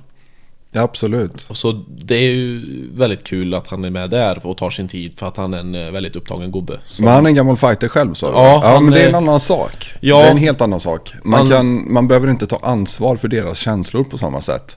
Men jag tycker liksom alltid när, när man har nära och kära i närheten som inte riktigt förstår vad det handlar om. Jag vill inte bära det ansvaret för deras känslor ifall de ser mig bli skadad eller ifall de ser mig skada någon annan. För att det är liksom, Precis, det är det mamma inte vill. Hon vill Ja. inte se mm, så här, men jag, ja, det är inte säkert att jag blir skadad. Men jag vill inte se det skada någon annan heller. Pappa han tävlade i boxning och kickboxning och shootfighting och han var jätteatletisk när han var ung. Han bänkade 210 när han var 19. lord. Och han var en jätteduktig simmare. Han simmar varje dag, så här, sju dagar i veckan, tävlar i det. Uh, förstår fortfarande inte hur man fjärilsimmar, kommer nog aldrig lära mig. Eh, han, uh, han höll på mycket med tyngdlyftning och sånt också. Och eh, inte uppstyrda slagsmål många gånger också kanske. Ja, ja, Men det, det är bara hörsägen. Ja, precis. Och det är slätta. det är slätta. Yes. Precis. Eh, Så han förstår ju mycket vad det handlar om. Eh, Farmor har ju berättat för mig att när han kommer hem med blåklockor och eh, sned näsa och sönderslagen han med. Och har gått in i en dörr. Gått in i en dörr, ja. halkat utanför, sprungit in i en stolpe. Ja. You name it. Så där är jag inte så orolig. jag, det är väl mina syskon också men jag tänker att Hade det inte varit här så hade jag gjort det för er skull om det var någon som var på er. Då hade jag gått in och gjort samma sak. Så Ja, det, ja. Då, det, det, det är nog någon annan sak när det är syskon bara. Jag vet inte, och hade jag haft flickvän under fighterna också. Det, det är väl typ det jag skulle kunna tänka på mest. Men jag glömde ju typ bort allting när jag väl hade, för jag var i sån fight mode. Så jag glömde typ bort allt det. Men visst är det underbart också. Du har bara det här att tänka på. Alltså så länge jag inte ser familj innan matchen tror jag Så är det nog lugnt Sen vet jag ju att de sitter någonstans där och kollar. Men så länge jag nog slipper se dem innan jag går in i buren så tror jag Att det är lite lugnare Polare och sånt, de sitter ju alltid överallt. Men det, det, du kommer ju inte undan att träffa på någon som du känner. Nej, nej, nej. Men det är lite så här, det kan du skaka av dig. Men, men när man ser familj och sånt. Jag, jag tror att jag gjorde det i Skövde också men det, Jag stötte bort det bara och liksom Gick vidare med det. Jag tyckte väl att Nu när jag väl tänker efter så Tror jag nog att jag helst inte vill se min familj innan matchen Men efteråt så vill jag se att de var där och stöttade mig liksom Mm. det är väl typ det jag kan komma fram till. Jag har ju bara gått två matcher. Och, så jag kan inte reflektera så mycket. Nu blir ju första juni då min tredje match och jag vet ju att det kommer vara hur mycket folk som helst som är där för att kolla på mig. Valhall kommer vara packat. Ja, det kommer är nog vara- fan, alltså jag, jag har varit runt ganska mycket ändå och kollat på fighting i hela Sverige mer eller mindre. Och det är en underbart jävla härlig fightinglokal. Alltså det är lågt till tak. Jag har aldrig Det- varit med om en bättre uppstyrd gala än, äh, än det. Jag har ju även tävlat för Wolffight Promotion. De har ju även proffsfighters och sånt. Men det, det är så stora, det är lite större arenor och det ser inte lika packat ut då. Och jag, det är typ lika mycket folk som det är på Valhall. Men det är en helt annan sak när du känner typ 90% vet vilka alla är. När det är så tight, alla sitter runt dig, alla hejar. Det är på hemmaplan. Jo men Det vad kan det vara? annan En känsla. 500-600 pers och de som, sitter, de som är längst ifrån dig är väl en 20 meter bort ungefär. Ja, det är du det som- hör alla. Ja, det var ändå rätt modigt av mig säger många att din första match var inför 800 pers ungefär. Och på hemmaplan På dessutom. hemmaplan det är, som det är hög press. press. Men jag var som mest lugn för när jag körde i Jönköping. Fan, då var jag nervös. Då mådde Ah. jag ännu sämre. Okej. Och det var ju ändå en bättre match. För då spelade vi på varandra rätt ordentligt. Och eh, han hade spräckt ögonbryn, jag vet sönderbankad. Jag, han var också eh, rätt tilltyglad. Fan vad härligt. Ja, jag förlorade ju tyvärr den matchen då. Jag råkade gå i golvet två gånger och då får man inte slåss mer. Så, men eh, han var, han var den bättre mannen den kvällen. Men jag vet att jag skulle möta honom igen så vet jag vad jag inte ska göra och ska göra. Ja men det Kanske ska brottas lite mer. För det brukar eh, många säga att varför brottas du inte för? För att alla vet att jag är en brottare. Det är mycket roligare att veva. Jag har så här kört Jag tränat mycket thaiboxning för att bli bra på striking. Och nu har jag ju blivit typ lika bra på striking som på brottning. Jag kanske har lite mer att säga till om i brottning. För jag blandar de två så är det skitbra. Men eh, jag tycker det är kul, jag tycker det är roligare att eh, så här, veva och jag tycker det är mer om att bjuda på en show. Det kanske inte är så smart för mig karriärsmässigt. Absolut inte. Nej, men det är, det är bra för promoters om man skulle tävla för sånt. Alltså så här, de vill ju ha någon som vevar och lever över där inne. De vill inte ha någon som bara brottas och håller ner den i en kvart. Det, Å andra sidan jag kan tycka det är fan med poesi också när man får se det. Alltså Ja. jag vet inte om du har kollat på George St. Pierres gamla matcher till exempel. Jo, det har jag gjort. Men det, jag kommer att tänka på det när det är två brottare typ UFC som också gillar att stand and banga lite grann och sen börjar de brottas och det är bara scramble på scramble på scramble. Det är ju ascoolt att se. Ja, ja. ja det, det kan vara sån jävla brottningspoesi och sen så tänker jag också, jag hatar det med stand-ups. Jag hatar det för att om någon ligger och håller ner dig, då är det väl för fan ditt problem. Det precis. borde inte vara den personen som håller ner dig som har ett problem och att de måste jobba och så vidare. Det är väl du som är under som borde jobba. Det är du som blir ägd just nu. Precis. Istället för att bara lä- lägga sig och hålla fast någon då så att ja, men till sist så kommer ju domaren gå emellan för att det inte händer någonting och ställa upp er. Ja. Och jag hatar det där. Alltså om någon kan hålla nere dig och ligga och jucka dig i ansiktet i fem ronder, då är det fan med ditt problem. Alltså Ja. tror du att folk vill bli juckade i ansiktet i fem ronder? Det liksom... Sen finns ju de stand-up fightersna som är skitroliga att titta på. Jag vet inte om du vet vem men Khalil Roundtree är. Oh, jo. Det är, ja. vilken sjuk striking han har. ja, ja, fantastisk. Det är sån jävla thaiboxning på den grabben. Ja men det är crisp as fuck alltså. Det är, Ja. det är riktigt jävla crisp får man säga. Och han, han har ju varit riktigt stor innan. Han var ju en tjockis innan. Ja ja. Alltså han var säkert 150 kilo otränad. Och nu är han riktigt fit och eh, livsfarlig alltså. Det var ju å andra sidan David Goggins också så att Ja, det, det jo, finns fler. Stay hard, stay hard, Ja, Stay hard motherfucker! stay hard. Ja men då har vi nästan svaret på det också. Vad du vill jobba på framöver. Är det mer striking som gäller då? Eller är det att tajta Balans- till mellanrummen? Eh, Henke brukar säga en bra sak eh, Som han har säkert hört om någon annan Jag vill vara så bra på striking så att den andra vill brotta ner mig Men när den väl försöker brotta ner mig så har han inte en chans ändå Ja, jo men det, jag köper det. Jag gör det. det, det är lite dit jag vill komma Jag vill kunna spöa dig så hårt oavsett om du är en striker eller en grappler Så att du kommer vilja grapplas Och är det så att du får ner mig så ska du få ett rent helvete För då Ja. är det jag som vänder på det och kommer strypa ut dig förmodligen Jajamän. Hoppas jag Ja men, där, jo, men det låter som en stabil plan i alla fall. Och du får eh, säga till ifall det är någonting jag kan hjälpa till med. Så Ja, Så jobbar vi på det. ett för jävla jobbigt grepp igår Den axelpressen ah, just det ja. Fan ja. vad det sög Du, alltså det är eh, 100% tror jag faktiskt eh, den eh, numera bortgångne Valdo Zapata. Som eh, har coachat in mig i den stilen helt enkelt. Och bara lägga press och ta bort motståndarens andning.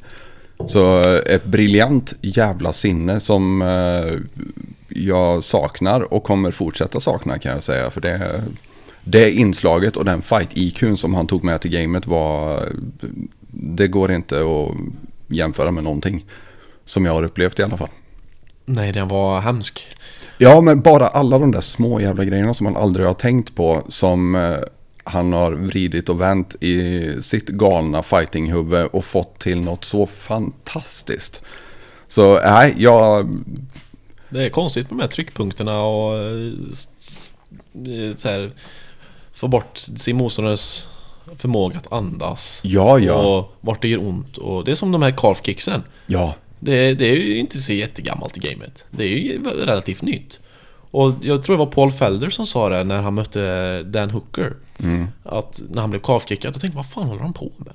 ja. Och sen kom det så här Jävlar jag kan inte gå Sen får man en ordentlig och foten stänger av.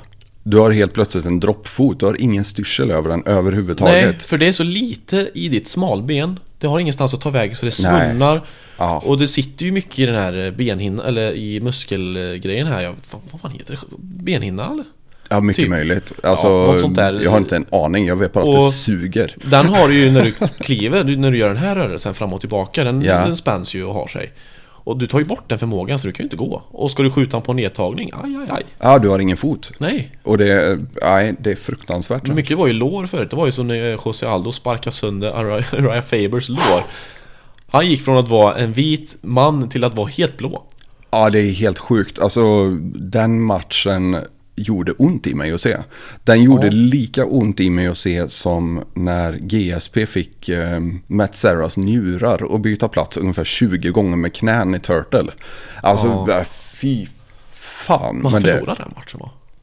Han förlorade första. Han... eh, Det var den enda matchen han förlorade? Nej han förlorade Nej, två. Han förlorade mot två Matt var det. Det var Matt Hughes och Matt Serra. Ja, Så det var första matchen båda gånger. Så eh, jag tror han mötte Matt Hughes två gånger till och tokägde honom. Han knockade honom ena gången och submittade honom andra. hur hård är inte Matt Hughes då? han har blivit påkörd av ett tåg! Han vann mot ett jävla tåg Ja, mer eller han mindre. vann. Ja. Han rugbytacklade tåget, fick men för livet men han överlevde. Ja, Vem ja. fan hade gjort det annars? ja, det är helt otroligt alltså. Helt otrolig jävla människa.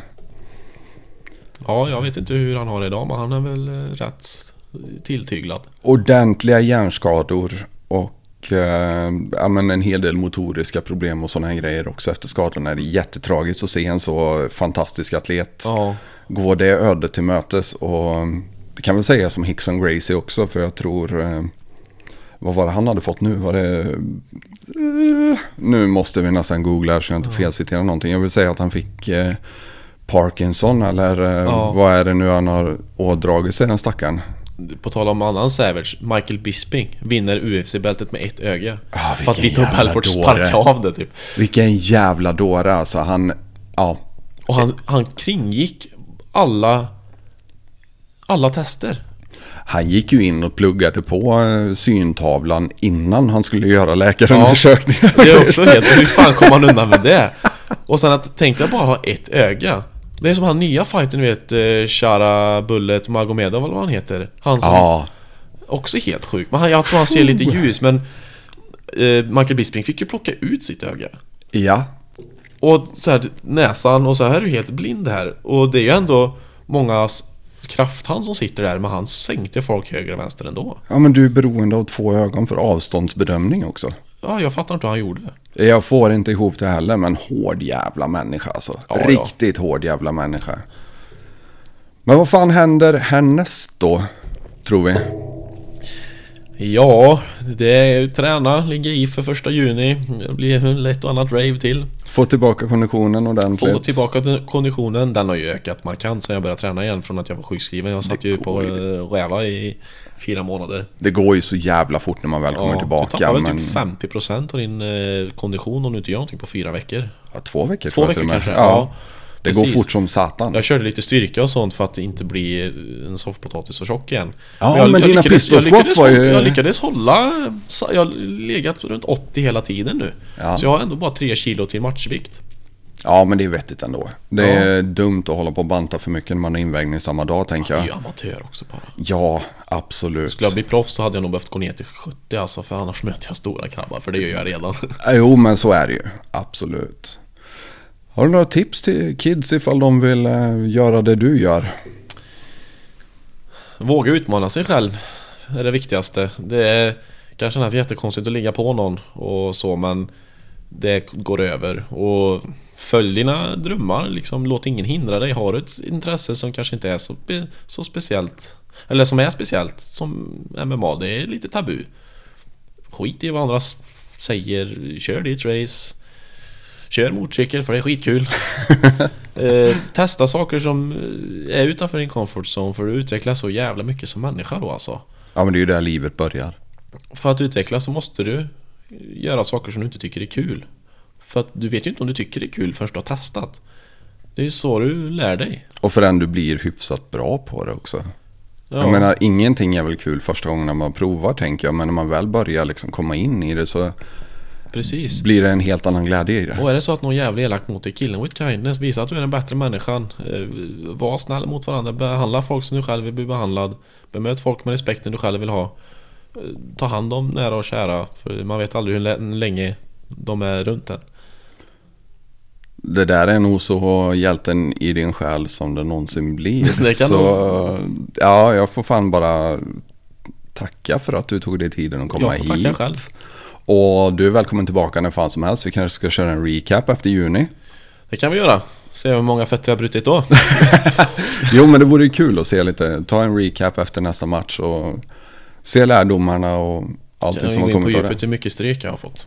Ja, ja, jo men absolut. Det, det är intressant det Man lär också. sig som mest när man får en knytnäve i ansiktet och det är som Mike Tyson säger, alla har en plan tills man blir slagen i ansiktet. Ja, så är det absolut. Absolut. Jag får tacka så jättemycket för att du bjöd hit mig. Det var skitkul. Ber om ursäkt om vi snurrade iväg på våra ADHD-tankar och pratade om allt annat än vad vi gick in på. Men, Nej, men det är ingenting att be om ursäkt för. Det, men eh, jag får be- om ursäkt för mitt asso. Det behöver du absolut inte Det är släppa göra. som vi sa.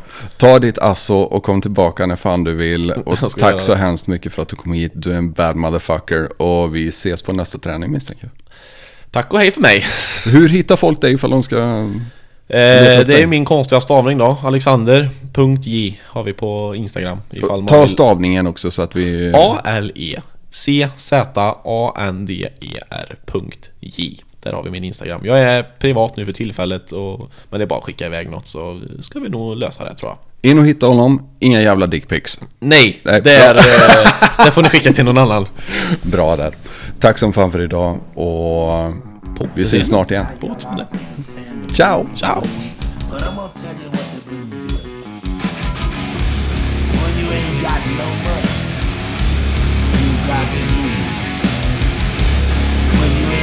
When you ain't